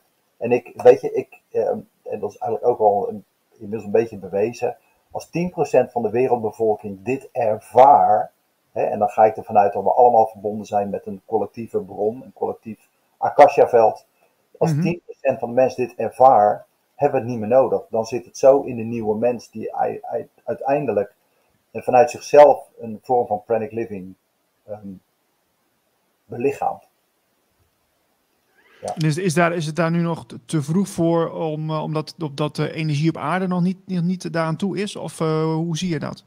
Nee, we, weet je, ik, ik geloof eigenlijk in een soort, um, een soort um, boek wat we, wat, we, wat we doorleven met z'n allen. Er is een bovenliggend boek vanuit de bron. We zijn gekomen en ooit stoppen we hier weer en dan gaan we naar een nieuwe cyclus. En we zitten ergens in die cycli. En elke keer ervaren wij, nou vanaf Eerste Wereldoorlog tot nu kijkt, wat, wat een ontwikkelingssprong wij gemaakt hebben op alle vlakken. Zijn we nu juist meer bezig met de techniek wat meer los te laten en wat meer naar binnen te gaan. We weten dat we zoveel meer kunnen met het menselijk lichaam. En je ziet dat dat veel meer ontdekt wordt, ontplooid wordt, uh, uitgezocht wordt, medisch bewezen wordt. Dat ja, het nu de tijd is om dat pad um, ja, naast alle technieken ook te gaan um, onderzoeken en, en ja, met meer mensen te gaan ervaren. Ja. ja. Is, uh, ik, ik, vraag me wel af, want ik ben nou bezig met een boekje uh, wat vooral de onstoffelijke wereld uh, beschrijft na het overlijden.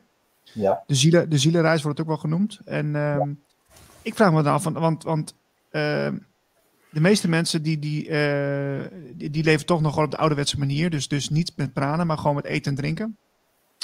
Ja, dat is, niet helemaal, waar, is niet helemaal waar. Want... Ja, maar wacht even, ik moet even mijn verhaal, even oh mijn verhaal ja, afmaken. Ik, ik, heb een vraag namelijk. Uh, komen ze, um, dus die, die, die, werken eigenlijk op een andere motor, zou je kunnen zeggen. Hè? Dus, dus uh, hoe, hoe, ze het, hoe ze het levenspad afgaan. Ja. Maar uh, als je dus dan overlijdt, zal het dan geen invloed hebben op, ja, op het moment dat je dan weer ja, even in, in, die, in die astrale wereld komt, of die, of die onstoffelijke wereld? Want je moet daar want dat, dat is ook een wereld op zich. Uh, is, dat, is dat dan niet, heeft dat geen consequenties dat je, dat je zo je, met je prana energie leeft in plaats van uh, met je lichaam? Um, nou, ook daar geloof ik weer dat we een, een, vast pad bewandelen. Ik geloof niet in vrije keus. Ik geloof dat ik, als ik terugkijk naar mijn eigen leven, dan zie ik dat alles mij overkomen is. En ook nu, hoe ik nu leef, ik leef op signalen. Ik leef op, op hè, mijn oogkleppen staan niet, staan niet hier, maar die zijn helemaal open. En ik, ik, ik, ik lees wat er op me afkomt en daar reageer ik op. En dat zijn allemaal signalen die eigenlijk gewoon aangereikt worden. En dat is alle momenten van, eh, van mijn leven. Um, waarop ik automatisch op een soort pad blijf.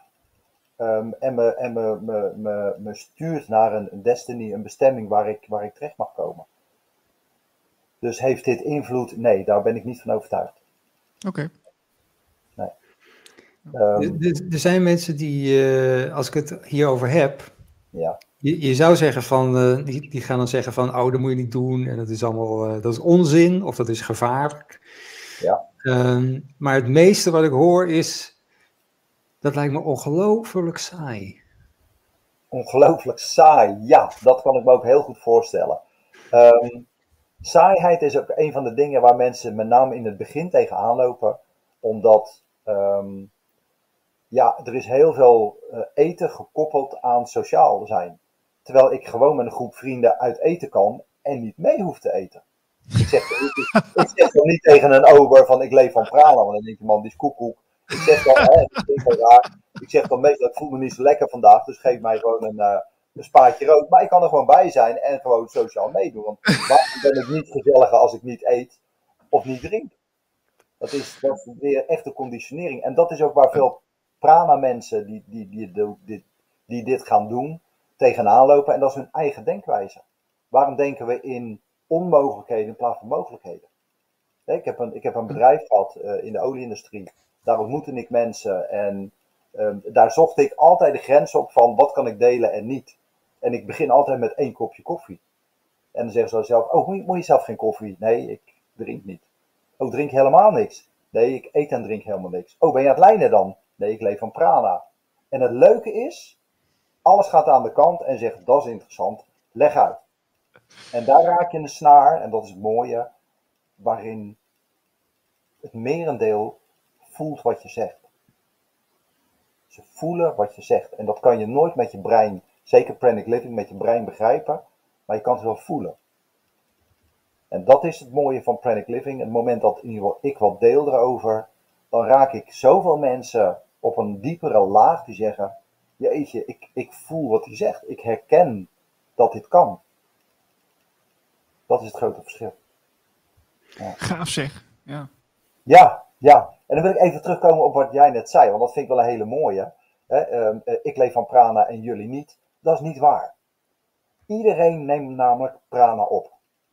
Als jij naar de bossen gaat, dan laat je op. Dan, dan voel je dat je oplaat qua energie. Of op vakantie. Of op het strand.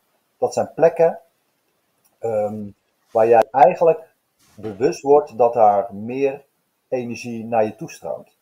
Dus de cellen zijn gemiddeld. Ik kan dat voelen als ik iemand een hand geef. Dan voel ik hoeveel conditionering er over die cel heen zit. Dat is, dat is gemiddeld 70%. Dus 30% neem jij standaard al op. Het, lichaam functioneert op energie. We zijn energie. De ziel is energie en alles stroomt daar door, doorheen. Daar kunnen cellen gewoon van leven. We zijn niet een, um, een, een, een motortje waar, waar eten in moet om hoofdzakelijk daarvan te leven. Het is altijd een combi van chi of van prana of van energie um, met eten en met conditionering. En wat wij doen is die conditionering eigenlijk loskoppelen van, van die cel, waardoor die cel volledig um, uh, prana toelaat. En daarom kan je ervan leven. Ik vind het wel grappig dat je zegt van uh, als ik iemand een hand geef, kan ik dus voelen hoe, hoe, hoe geconditioneerd iemand is. Ja, dat wel, op de uh, een of andere manier is dat ergens binnengekomen en ja, ik geef iemand een knuffel en dan voel ik, oké, okay, 60% geconditioneerd, 70% geconditioneerd. Of mensen die, die planning gedaan hebben, die zeggen ik twijfel, ik zeg nou geef me maar een hand. 80% is, is oké, dus je kan gewoon van leven. Het is altijd, en dat is, is zo bijzonder met dit proces. Hè. Ik heb uh, 15 jaar met de mind gewerkt. Uh, ik ben, ben journey therapeut van Brandon Base. En vanuit die therapie um, ja, ga je leren hoe triggers werken, hoe mind werkt, hoe een lichaam werkt. Het moment dat ik dit proces ging geven, heb ik zoveel geleerd over mind, angsten, lichaam. Hoe, hoe, als jij bang bent in dit proces om te mager te worden, val jij gewoon 30 kilo af. En dat is de mind die controle wil houden, die jou in het eten wil houden. Als jij bang bent voor te weinig energie, dan lig je 10 weken als een vader op de bank. Terwijl jouw partner, die hetzelfde doet, daar geen angst voor heeft. En bruist van de energie. En waarom is dat zo? Omdat de mind weet waar die angst zit. Die trekt gewoon die plucht eruit en zegt, daar gaat jouw energie. Het is zo bizar hoe een mind een lichaam aanstuurt. Ja. Is, is, die, uh, is die conditionering, is dat eigenlijk een laagje waar zeg maar uh, het trauma onder zit? Dus die conditionering houdt eigenlijk het trauma ja, onder de duim. Ja, onder andere. Voor mij is conditionering alles wat je hebt meegemaakt, maar ook wel alles wat je geleerd hebt. He, dus 1 en 1 is 2. Voor, voor mij, um, ik trek alles in twee. Als ik kan leven van prana, dus kan zeggen alles over voeding klopt niet. Ja, wat klopt er dan nog wel? Klopt de magneet nog wel? Klopt onze wiskunde nog wel? Klopt, weet je, alles, alles hebben we aangenomen. Ik neem niks meer aan. Als mensen zeggen zo is het, dan denk ik, ja, het zal wel, dat is jouw waarheid, maar voor mij is die anders. Ik, ik, ik ervaar zoveel andere dingen dan wat normaal beschreven staat. Dus je bent eigenlijk een, uh, je bent eigenlijk een ideale gast voor, uh, voor een programma bij ons. Dat, is, dat heet uh, Logos. Dan moet je maar eens een keer te, te gast zijn. Ja. Dus, Dennis ja. Nelissen, die, die heeft ook een eigen programma. Dat gaat ook over oude kennis. En die heeft ook een hele andere ja, zienswijze erop. Dus nou, misschien kun je een keer bij me aanschuiven. Ja, met um, alle de wereld. Leuk. Ik zie een bericht, uh, Marlijn. Wil je me even voorlezen? Dit is van uh, Buddy Dalen, ons niet uh, onbekend. Staat de ether of ether met de AE vervuiling, zoals wifi, 5G, straling en dergelijke, niet een beetje in de weg voor opneming van prana? Nou, dat is een hele mooie vraag. Kijk, voor, voor mij is prana um, de vrije energie tussen, je hebt materie en non-materie. En non-materie is voor mij de, de prana en de chi die gewoon stroomt, die overal is. Um, ik merk, hè, en ik heb tot, tot, tot twee jaar geleden nog een bedrijf in de olieindustrie gehad, geen verschil in de bossen of midden in een olietank staan. Mijn lichaam neemt overal energie op, want overal is energie. Als er geen energie is, dan, dan bestaat er niks meer, dan valt alles als stof uit elkaar. Dus voor mij is, is zelfs de straling um, totaal niet relevant op, op het lichaam uh, waarin ik zit. Maar, maar, ik hoorde jou ook ergens zeggen dat jij, dat was in een uh, discotheek, geloof ik. Ja. Ge geen ik, prana. Ja, dat heb je heel goed gehoord. Ik heb één keer in die vijf jaar een plek gehad waarvan ik voelde van, hé, hey, hier loop ik leeg. En dat heb ik echt op allerlei andere plekken nog nooit gehad. Dat was één plek en daar was mijn ex-partner ook bij, die ook op Prana leeft. En die voelde dat ook, dus samen liepen we leeg. We zijn naar buiten gegaan en uh, zeg, na een half uur merkten we weer dat, dat alles, alles opladen en dat het klaar was. Maar dat was de enige plek waar ik tot nu toe in die vijf jaar geweest ben, waarvan ik ervaarde van oké, dit is raar. En of dat nou kwam door de hoeveelheid mensen die, ja, alcohol, drugs, whatever. Ik, ik, kon, niet, ik kon niet pinpointen waarom. Um, en ik ben op meerdere plekken geweest waar heel veel mensen waren, stadions en, en ja, grote feesten. En nergens heb ik dit ervaren. Dus, dus ja, is het mogelijk dat je lichaam op bepaalde plaatsen anders reageert? Ja, blijkbaar wel, want dat is ook mijn ervaring. Wat, wat doe je dan als je leeg loopt? Ehm, op dat moment uh, gewoon uit de ruimte of, of verplaatsen naar een andere plek. Voor mij was het gewoon even uit de ruimte en gewoon even voelen van oké, wat gebeurt hier? En daar voelde ik ook weer van oké, ik ben nu echt een spons die prana opneemt en het stroomt naar me toe en dan zijn mijn batterijen vol. Ik ben nooit moe. ik ben, ben ongeveer 26, uh, nee, is niet waar, 21 uur per dag op. En mijn energie staat altijd aan. Hè. Ik kan heerlijk in de stilte zijn, maar ik, ik, ik ben gewoon nooit moe. Ik ben, ik ben ja, rust en dynamiek tegelijk in hetzelfde, hetzelfde moment.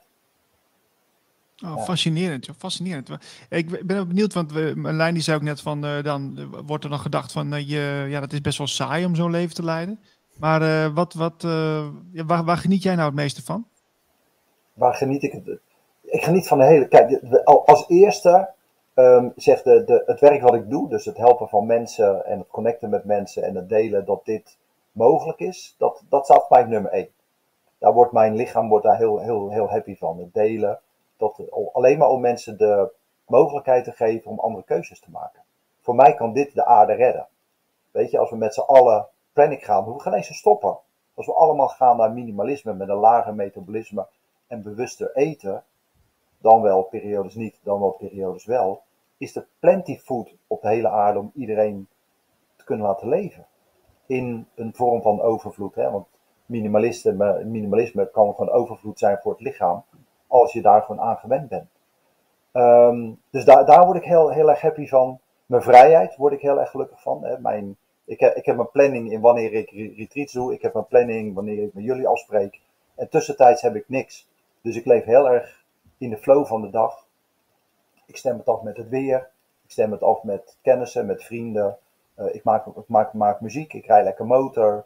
Uh, ik connect met mensen. Dat, dat, dat zijn dingen waar ik gewoon happy van word. En daar compenseer ik ook het eten mee.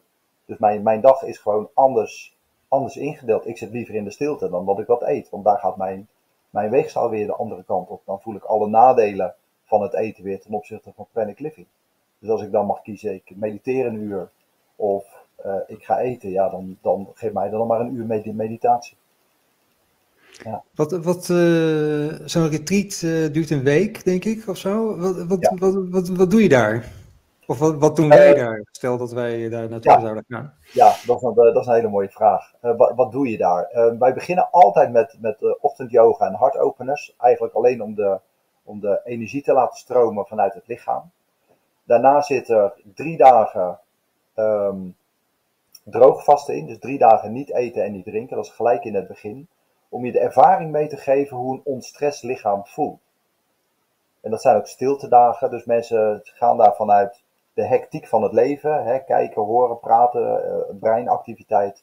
Uh, naar binnen toe. En ze gaan voelen van wow, dat lichaam wordt steeds stiller. En eigenlijk wordt het zo stil um, dat je komt bij hoe we geboren zijn. Je bent geboren vanuit, um, je komt uit de baarmoeder, er zit geen voeding in, daar zit die rust in. En het moment dat die eerste tepel erin gaat en je gaat eten, daar raak je die stilte eigenlijk kwijt. En dat doen we de rest van ons leven. Dus je komt terug op een plek waar je al heel lang niet geweest bent. Dat is het eerste. Um, droogvasten 72 uur reset ook het immuunsysteem. Dus dat is een bijkomend voordeel. Dat ja, het immuunsysteem eigenlijk heel snel afsterft en eigenlijk weer hyperactief weer terugkomt. Dus dat geeft je weer meer energie. En healing in het lichaam. Als je immuunsysteem actiever is, dan hield dat gewoon stuk in het lichaam. Um, als je het eten uit het lichaam haalt, dan gaat de beerput van de triggers en de trauma's, uh, ja, die is heel rauw. Dus we werken aan zeven dagen aan, aan traumaverwerking, maar dan in hele grote stappen. de herinnering blijft altijd zitten. Als je één keer een, een, een, een, negatieve ervaring op hebt gedaan, blijft herinnering zitten. Maar de boosheid en het verdriet en de angst daarop, die kan je wel uitademen. En dat doen we alleen maar met ademoefeningen. En er zit een ademoefening in om de, dat heet pranic cell cleanse, om je cellen um, volledig te vullen met prana, alles wat erin zit op te lossen. En het derde deel is to release, alleen maar uitademen. En ook door dat, te, door dat te doen, als dat die intentie is, is dat ook wat er gebeurt in het lichaam. En daarnaast heel veel visualisaties, waardoor je die, die celdeling um, gaat voelen, je DNA-verandering gaat voelen. Um, dat het lichaam kan leven van prana, moet je gaan, uh, gaan ervaren. Dat zijn allemaal visualisaties die elke keer weer meer naar de belichaming gaan. Ja, en dat hele pakket bij, bij elkaar, ik kan nog een soort van ehm, initiatie meegeven in, in de darshans die ik, die ik losgeef. Dat is vanuit mijn energie, maak ik wat wakker in de energie van de andere persoon en in het, in het DNA, dan kan ik een slapend stukje activeren. Ehm, ja, dat bij elkaar zorgt ervoor dat in die week mensen volledig afpellen, volledig zachter worden en uiteindelijk ja, na die week de keuze kunnen maken van wil ik dit pad echt bewandelen. Het is echt een, een fundamentele verandering ehm, in je leven. Als je oude cel verandert naar een nieuwe cel en dat oude ook loslaat. Het is, het is zo bizar om te zien dat als die conditionering losgelaten wordt, wat echt gebeurt. Wat er in dat jaar gebeurt in je leven. Werk verandert, dynamiek verandert, relatie met mensen verandert. Ehm, relaties veranderen. Hè? Je kan van elkaar afgroeien naar elkaar toe groeien. Alleen maar omdat jouw energie en je muurtje anders is of helemaal weg is. Um, je eigenlijk niet meer in een leugen kan, kan, kan leven. Het is zo bijzonder om, ja, om dat mee te maken. Of ze nou voor prana kiezen of niet. De hele transformatie is zo fundamenteel. Ja, wat, wat, wat ik wel interessant vind uh, is um, wanneer je dus je, je, je, zo met je lichaam bezig bent en die cellen die transformeren, die worden eigenlijk weer uh, ja, opgeschoond en, en weer, weer vernieuwd, uh, laat ik het zo maar even zeggen. Ja. Um, zorgt dat er ook voor, als je dat met je hele lichaam doet, dat je dat oude vermogen, zeg maar, die wij in ons dragen, dat die weer meer terugkomen. Denk aan telepathie, telekinese. Is dat, ja. Heb je daar ervaring mee? Ja, daar heb ik zeker ervaring mee. Ik heb meerdere keren ervaren de afgelopen jaren dat ik op twee plaatsen tegelijk was. Oh, wauw. Dus dat is iets, ja, en ik kan het nog niet zelf regenereren. Het is niet iets waarvan ik zeg, dit doe ik nu. Maar het is wel iets dat iemand zei van, ik heb vanmiddag in de stad gelopen, was gezellig. Dat ik zei, ja, maar ik was op de boot. Dus dat, dat is iets dat gebeurt. Hè? Hoe, nog één keer, hoe ging dat? Um, nou ja, een, een, een vriendin van me kwam ik tegen in de stad, terwijl ik zelf op de boot zat. En daar hebben we, hebben we samen gewinkeld en dat was haar ervaring. Terwijl ik gewoon op de boot zat. Terwijl ik zei, nou, als ik dat nu, nu voor elkaar kan krijgen, ja, dan zou dat, nou ja, goed, dan... dan ik ga ook prana doen. Dit vind ik ja. nou ja, nee, maar dat, dat, dat, dat soort ervaringen. Ik heb een ervaring waarin ik uitgenodigd werd door water om me gewoon te laten zakken en een half uur niet te ademen. Want als je leeft van energie, heb je eigenlijk ook geen ademhaling nodig. En dat zijn allemaal bewustzijnsmomenten van wat er werkelijk mogelijk is. In India zijn yogis die hetzelfde doen. Die laten zich uiteindelijk zes weken begraven in een doodskist onder de grond. En dan zes weken gaat die open, komen ze eruit. En dan zijn ze niet afgevallen, hebben ze niet geademd, niet gegeten, niet gedronken en ze leven nog steeds. Dus die, die, extreme, die extreme kan je daadwerkelijk realiseren als je zo met je lichaam kan omgaan. En Wim Hof kan eigenlijk precies hetzelfde. Zie een vraag binnenkomen van Gerda. Ik vraag mij af, is leven met prana ook niet een conditionering of een overtuiging of een geloof? Hoe kan ik dat zien? Um, nou, kijk, om eerlijk te zijn, ik geloof nergens meer in. Waar ik, waar ik in geloof is, is de vrijheid waarin ik zit. Als ik zeg, ik heb echt niks nodig, dan kan ik zeggen, ik heb echt niks nodig. En de enige conditionering um, die ik heb, dat ik zeg, ik hoef niks te doen.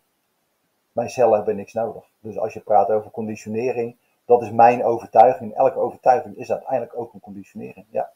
ja. Ik, uh, ik hoor ook vaak mensen, ik, ik, heb er zelf ook last van, denk ik hoor. Maar goed, uh, die hebben het dan over emotie eten. Ja, ja. Ja, dat is natuurlijk wel hardnekkiger. Hoe ga je daarmee om? Nou, het leuke is, dat zijn we allemaal. Want precies wat ik, wat ik net zei, um, alles wat je lekker vindt, geef je een up. En al die ups op een dag compenseren al die negatieve dingetjes die we, die we hebben meegemaakt, die we hebben, uh, de triggertjes van de dag, die compenseren we allemaal door te eten. Want het geeft je gewoon een, een fijn gevoel. Anders eet je het niet, dat is heel simpel. Mij geeft eten geen fijn gevoel. Eh, omdat ik weet wat de voordelen van prana zijn. En als ik eet, gaat dat altijd ten koste van mijn prana. Ik kan nog steeds genieten in het moment. Alleen de 48 uur daarna heb ik de, de negatieve effecten. En dat is mm. dat die mis weer terugkomt. Dat ik ietsje langer slaap. Dat mijn, mijn handen en mijn voeten zweteriger zijn. Uh, dat ik me vermoeider voel. Dat mijn bloedsuikerspiegel op en neer gaat. Ja, daar heb ik gewoon geen zin in. Ja. Als je um, van prana leeft, dan uh, heb je eigenlijk die visualisaties nodig, toch? Je, want als je daarmee stopt, werkt het dan niet meer? Nee, als je dit, als je dit vijf dagen doet, of eigenlijk is het zeven dagen, als je het zeven dagen doet, dan is het irreversible. Dus dan gaat die celdeling gaat eigenlijk eeuwig door. Er zijn mensen die, die na de retreat een jaar gegeten hebben en na 13 maanden voelden van, weet je, laat ik het weer eens proberen, want het voelt nu anders. En die, die, die daar gewoon drie weken zonder, een eten, zonder eten, en, eten en drinken konden. Nou, dat overleeft geen normaal mens. 12 dagen is medisch maximaal rekbaar. Dan hè, mensen die um, tot het einde van het leven zijn, die kunnen 12 dagen niet eten en niet drinken. En dan, dan, dan stopt het lichaam. Dan, dan falen organen, dan valt je brein uit en dan, dan overlijd je. Uh, drie, drie weken um, spontaan stoppen, dat lukt eigenlijk niemand. Of je moet daadwerkelijk van prana leven. Ja. Maar hoe, hoe zit visualisatie dan eh, daar, uh, daarin? Dat is alleen in het begin dat je dat moet doen. Ja, absoluut. Je doet het alleen in de week. En daarna, en dat is ook de conditionering die ik meegeef, je hoeft niks meer te doen.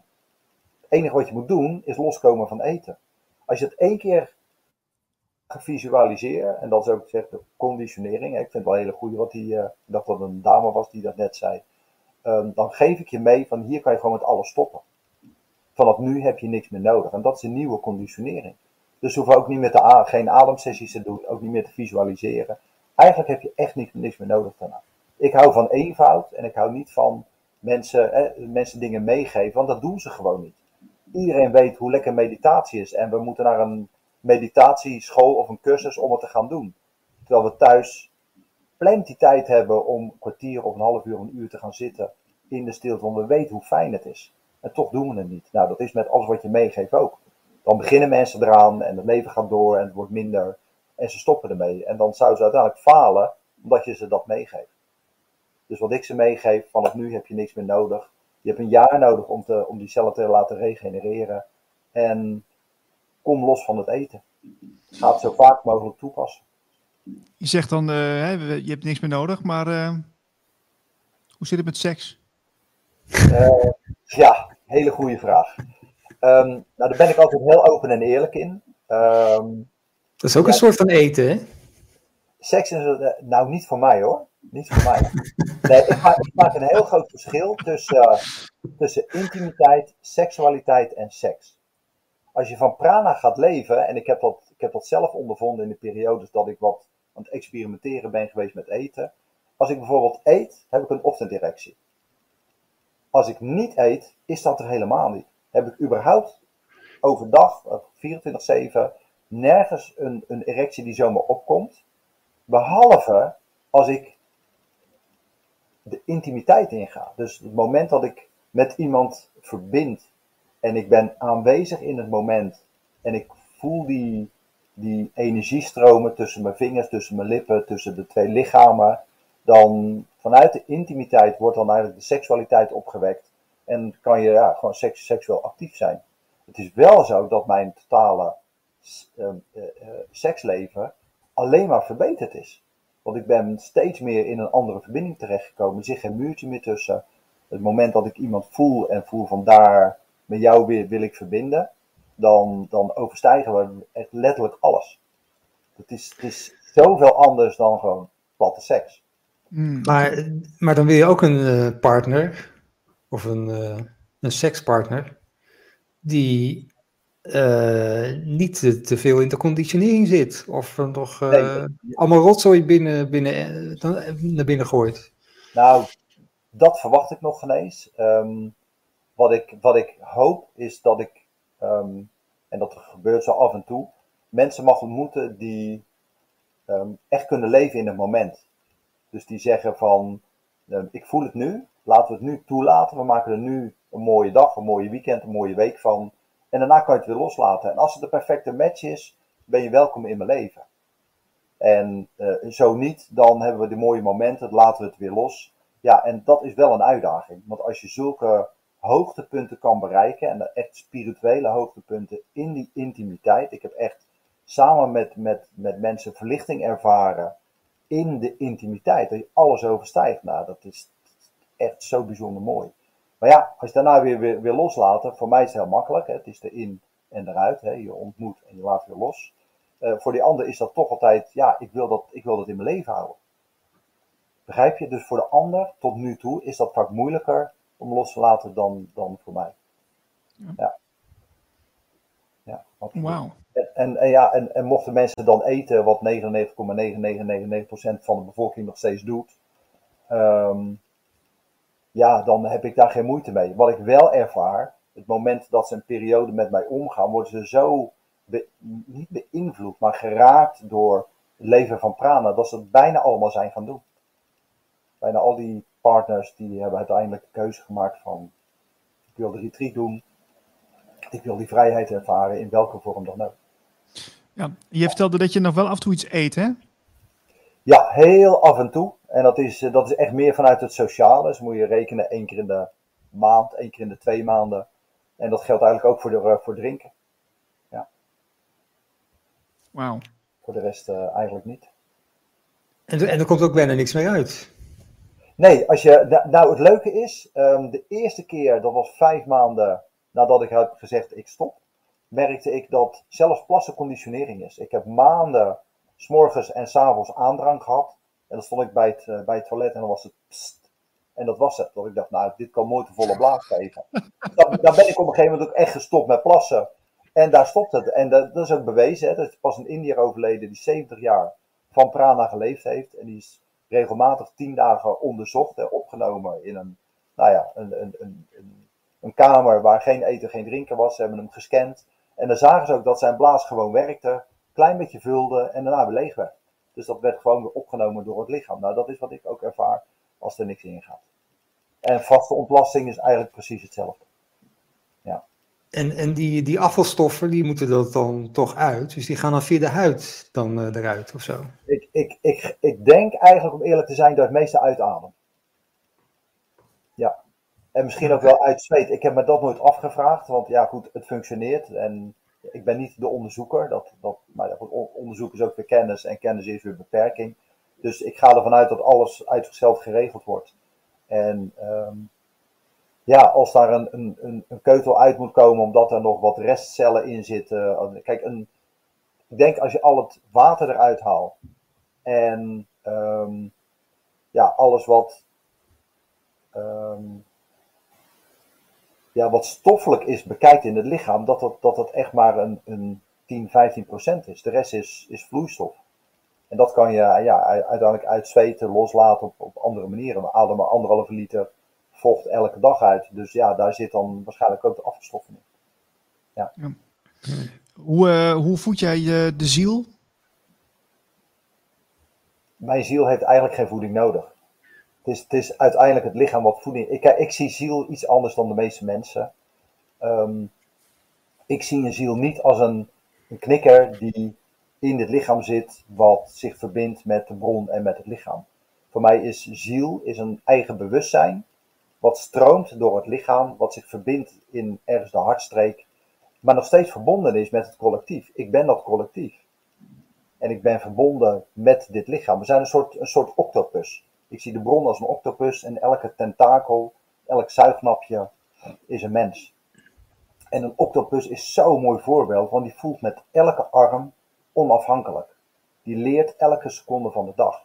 Die, hier vangt hij een visje, daar stopt hij zijn, uh, zijn tentakel in een hol waar een krab zit die hem bijt. En dat doet hij allemaal onafhankelijk van elkaar. Al die armen hebben een eigen bewustzijn. Elke zuignap doet zijn eigen dingetje.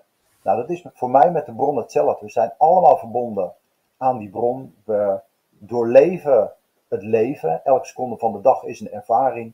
Die delen we met die bron. En die bron groeit. Wij groeien niet.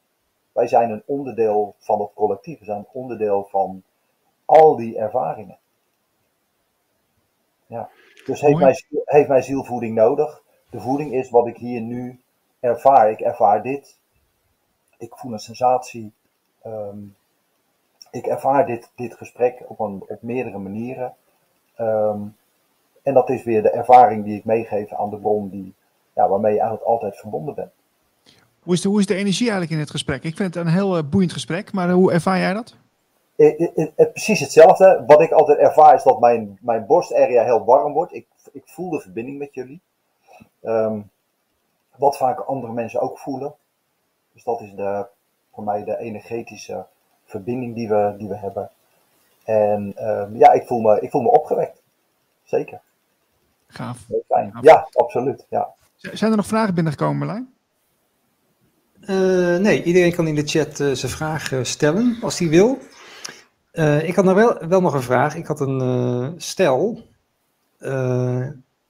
je, je bevindt je op een onbewoond eiland.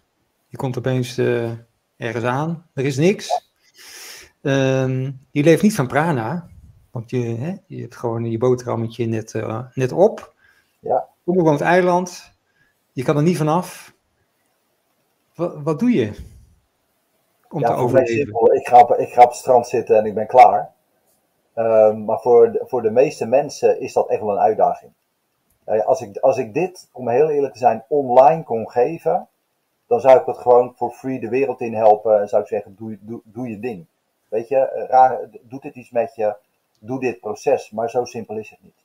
Ik merk dat mensen die naar mij toe komen, um, heel vaak in overtuigingen zitten, maar niet naar de ervaring kunnen. En de kracht wat ik mensen meegeef, is dat ik ze van, vanuit die overtuiging meeneem naar de ervaring en ze laat voelen en ervaren wat ze, wat ze nodig hebben. Die, die celregeneratie kan iedereen doen. Je kan je eigen lichaam healen door daarmee aan de slag te gaan. Dat lukt alleen maar heel weinig mensen, omdat ze niet overtuigd zijn. Als er twijfel zit, en dat zit bij zoveel mensen, dan lukt het niet. 1% twijfel haalt alles onderuit. Maar, maar als je moet, bijvoorbeeld onbewoond eiland, als je moet, komt er dan niet iets uh, los ook bij, bij mensen? Van, uh... Ik denk als ze dit gehoord hebben en ze komen op zo'n eiland aan en ze weten van ik moet dat gaan visualiseren, want dan kan ik overleven. Ja, dat, absoluut. Dat, dat er een, een gedeelte van de mensen zijn die daadwerkelijk zeggen ik voel hem en dit is wat ik ga doen. En ja, absoluut. Ja, ik denk dat het, het, survival mechanisme in de mens veel groter is dan dat wij begrijpen. Kijk naar de Tweede Wereldoorlog, hè, waar mensen concentratiekampen heel weinig voedingswaarde kregen en jaren konden overleven. Metabolisme gaat omlaag en je hebt heel weinig calorieën nodig om dat lichaam toch heel lang in stand te houden. Dus eigenlijk het, het besef, de know-how uh, eigenlijk, op, uh, als je op zo'n onbewoond eiland bent, uh, is dan eigenlijk de redding. Die, die, die, kan, die kan je dan helpen om wel te overleven ik, ik denk dat daar, dat daar uh, kennis en, en, en motivatie aangeboord kan worden om dat werkelijk te survivalen. Ja, absoluut. Ja, niet voor iedereen, maar ik, daar ben ik er 100% van overtuigd. Ja. En er zijn altijd mensen in deze maatschappij, hè, 1 op de miljoen, um, die standaard kan stoppen met eten en van prana kan leven. 1 op de 500.000, die moet een soort initiatie krijgen van iemand die dat ook doet. Die zegt, hey, ik voel hem, die kan ook gelijk stoppen. En de rest moet, heeft een, proces nodig. Ja. Vandaar dat ik ook altijd zeg, probeer dit nooit zelf. Want zolang er nog conditionering in jouw cellen zit, als jouw cellen nog steeds denken, als ik uh, vitamines en mineralen uh, tekort heb, dan, ja, dan gaat het niet goed met me. Als ik, als ik te lang niet drink, ga ik dood. Als ik te lang niet eet, ga ik dood. Dat zit gewoon in al die cellen. Reageert het lichaam daar ook zo op? Zijn te veel mensen die denken dat minder eten naar minimalisme de weg naar panic living is, nou ja, dan zie je er na anderhalf jaar uit als iemand die anorexia heeft. Weet je, want dat is waar je naartoe gaat. Het lichaam teert volledig weg. Bij panic living, de eerste keren val je veel af, dan wordt minder, dan wordt minder. En het stabiliseert, omdat de mind ook vertrouwen krijgt in dit proces. Als je tegen de mind zegt, ik ga stoppen met eten en drinken, dan schiet hij in de stress, dan schiet hij in zijn amygdala, zijn fight-flight modus. En dan is er geen controle meer. Dan gaat de koelkast na drie weken open. Je stopt er alles in. Je kan niet meer stoppen. Want hij wil niet dat proces ingaan. Dus nu maken we dat zachter. Door niet meer te zeggen, ga stoppen met eten en drinken. Wat je gaat doen, is leven van prana in de vorm die bij je past. En dat is af en toe wat toelaten, alleen maar om die mind te pleasen. Die mind heeft dat gewoon nodig om te weten, als het een keer nodig is, dan kan er wat in. Dat Heb je trouwens, Brahma, heb je enig idee hoeveel mensen in Nederland uh, van prana leven? Ik denk in Nederland tussen de 50 en 100.000 mensen die zo'n proces al gedaan hebben in de laatste 20 jaar. Alleen er wordt heel weinig over gesproken, omdat de hele wereld, uh, nou niet de hele wereld, maar heel veel mensen vanuit angst en vanuit bescherming de, de, de, zich zorgen maken om andere mensen. Um, vaak een bepaalde druk opleggen. Dus mensen die zeggen ik leef van prana, uh, en die zijn vaak wat, wat slanker. En een slanke lichaam is vaak een heel gezond lichaam. Ehm, daar wordt toch anders tegenaan gekeken. Door mensen die dat niet kennen of niet voelen. Dus die, die maken zich zorgen en die gaan googelen en die komen mensen tegen die zijn overleden ervan. Die het zelf geprobeerd hebben en noem het maar op. Dus ah, nee. Moet er wel een hele absurdistische uh, situatie zijn geweest, hè? Twee jaar geleden, toen iedereen massaal naar de winkel ging voor, uh, ja. voor toiletrollen. Ja, en ik heb ernaar gekeken en denk, oh jee, dat kan zo anders. Ja, ja. absoluut. Grappig zeg. Ja. Als, je, als, die, als die cellen zeg maar, uh, nou ja, verjongen, dan, dan verjong jij jezelf ook. En dan kom je weer in, de, in, in, een soort default staat van, uh, van je ware zelf, zeg maar, terecht. Ja. Uh, en ik zag je ook vertellen over, je was bij de opticien, die zei van, dit, dit kan niet. Ja, dat was, dat was een van mijn mooiste um, bewijzen. Ik ben nog niet medisch onderzocht, dat komt nog wel een keertje. Um, ik, ik, droeg, ik droeg lenzen. Ik draag nog steeds lenzen, omdat ik niet de tijd heb om acht weken die lenzen uit te doen. En ze zijn van 3,5 naar ongeveer 1 gegaan. Dus het is sterk verbeterd. Alleen dat laatste stukje, dat blijft steeds gecompenseerd worden. Omdat ik nog steeds lenzen gebruik vanuit autorijden en andere dingen. Um, maar dan deed ik een check-up bij die, bij die opticien. En dan, uh, dan kijken ze in je oog. En die man die kijkt en die kijkt nog eens zo terug naar me. En die kijkt nog eens en die zegt: Ik weet niet wat je doet, maar je doet iets heel goed. Want jouw ogen zien eruit als een kind van, van twee of drie. Volledig Wow. Ja, en dat was voor mij iets waarvan, en dat raakt me nog steeds. Ik denk van oké, dit, dit doet werkelijk iets in het lichaam. Ja. Kijk, het andere vraag, word je ouder als je van prana leeft? Voor mij niet. Want ik ben ervan overtuigd dat we een, een, een pad bewandelen, een boek hebben. Worden we geboren, daar gaan we dood. En dat is helemaal beschreven. En als daar staat dat ik 104 word, omdat ik een periode of de rest van mijn leven van prana leeft, dan verlengt dat niet mijn leven, want dat zit al in mijn boek. Ja, dat, dat, dat, dat herken ik wel. Want ik ben ook een aantal boeken aan het lezen nu over hypnotherapeuten die ja, met mensen of met zielen in contact komen na het overlijden. En die beschrijven dan die wereld, die zielenwereld. En die, ja, die vertellen ook gewoon, ja, voordat je incarneert, zie je gewoon heel duidelijk wat je gaat doen. En je kunt zelfs insnappen op bepaalde momenten om te ervaren, van, alvast van tevoren. Hè, Als je dan nog in tijd uh, gelooft. Maar hoe dat is. En, en om, om te ervaren. En als je dat dan weet, ja, dan weet je gewoon dat je een bepaald pad bewandelt. Dat is gewoon wat het is. Ja, helemaal mee eens. Voor mij ook. Ja, ik, ik, ik herken.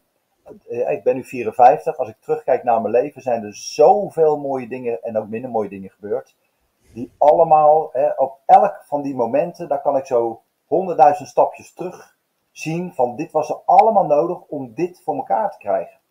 God onmogelijk hoe, hoe, dat, hoe dat, dat, dat per ongeluk of spontaan ontstaat of dat ik keuzes maak. je maakt keuzes, maar je maakt precies de keuze die in je boek staat. En we willen graag in vrije, vrije wil geloven. Nou, zolang jij dat nog doet, staat het in je boek. En ergens komt er een moment dat je denkt van, oh, wat hè, zei die menor is niet uh, dit of dat. Eigenlijk ga ik dat herkennen. En dan kom je weer tot een ander bewustzijn. En dat staat gewoon ergens in je boek. Ja. Mooi. Ja, zeker. Ik zie een berichtje van uh, Daan Korneef. Um, die zegt, hoe is het met de vitaminehuishouding? Haal je dat ook uit energie? Ja, 100%. Kijk, mijn overtuiging is, hè, ik voed het lichaam in zijn totale perfectie. Daarmee zeg ik dat alles wat het lichaam nodig heeft, uit de energie komt. En ik heb me werkelijk nog nooit zo goed gevoeld als de laatste vijf jaar dat ik, dat ik dit doe.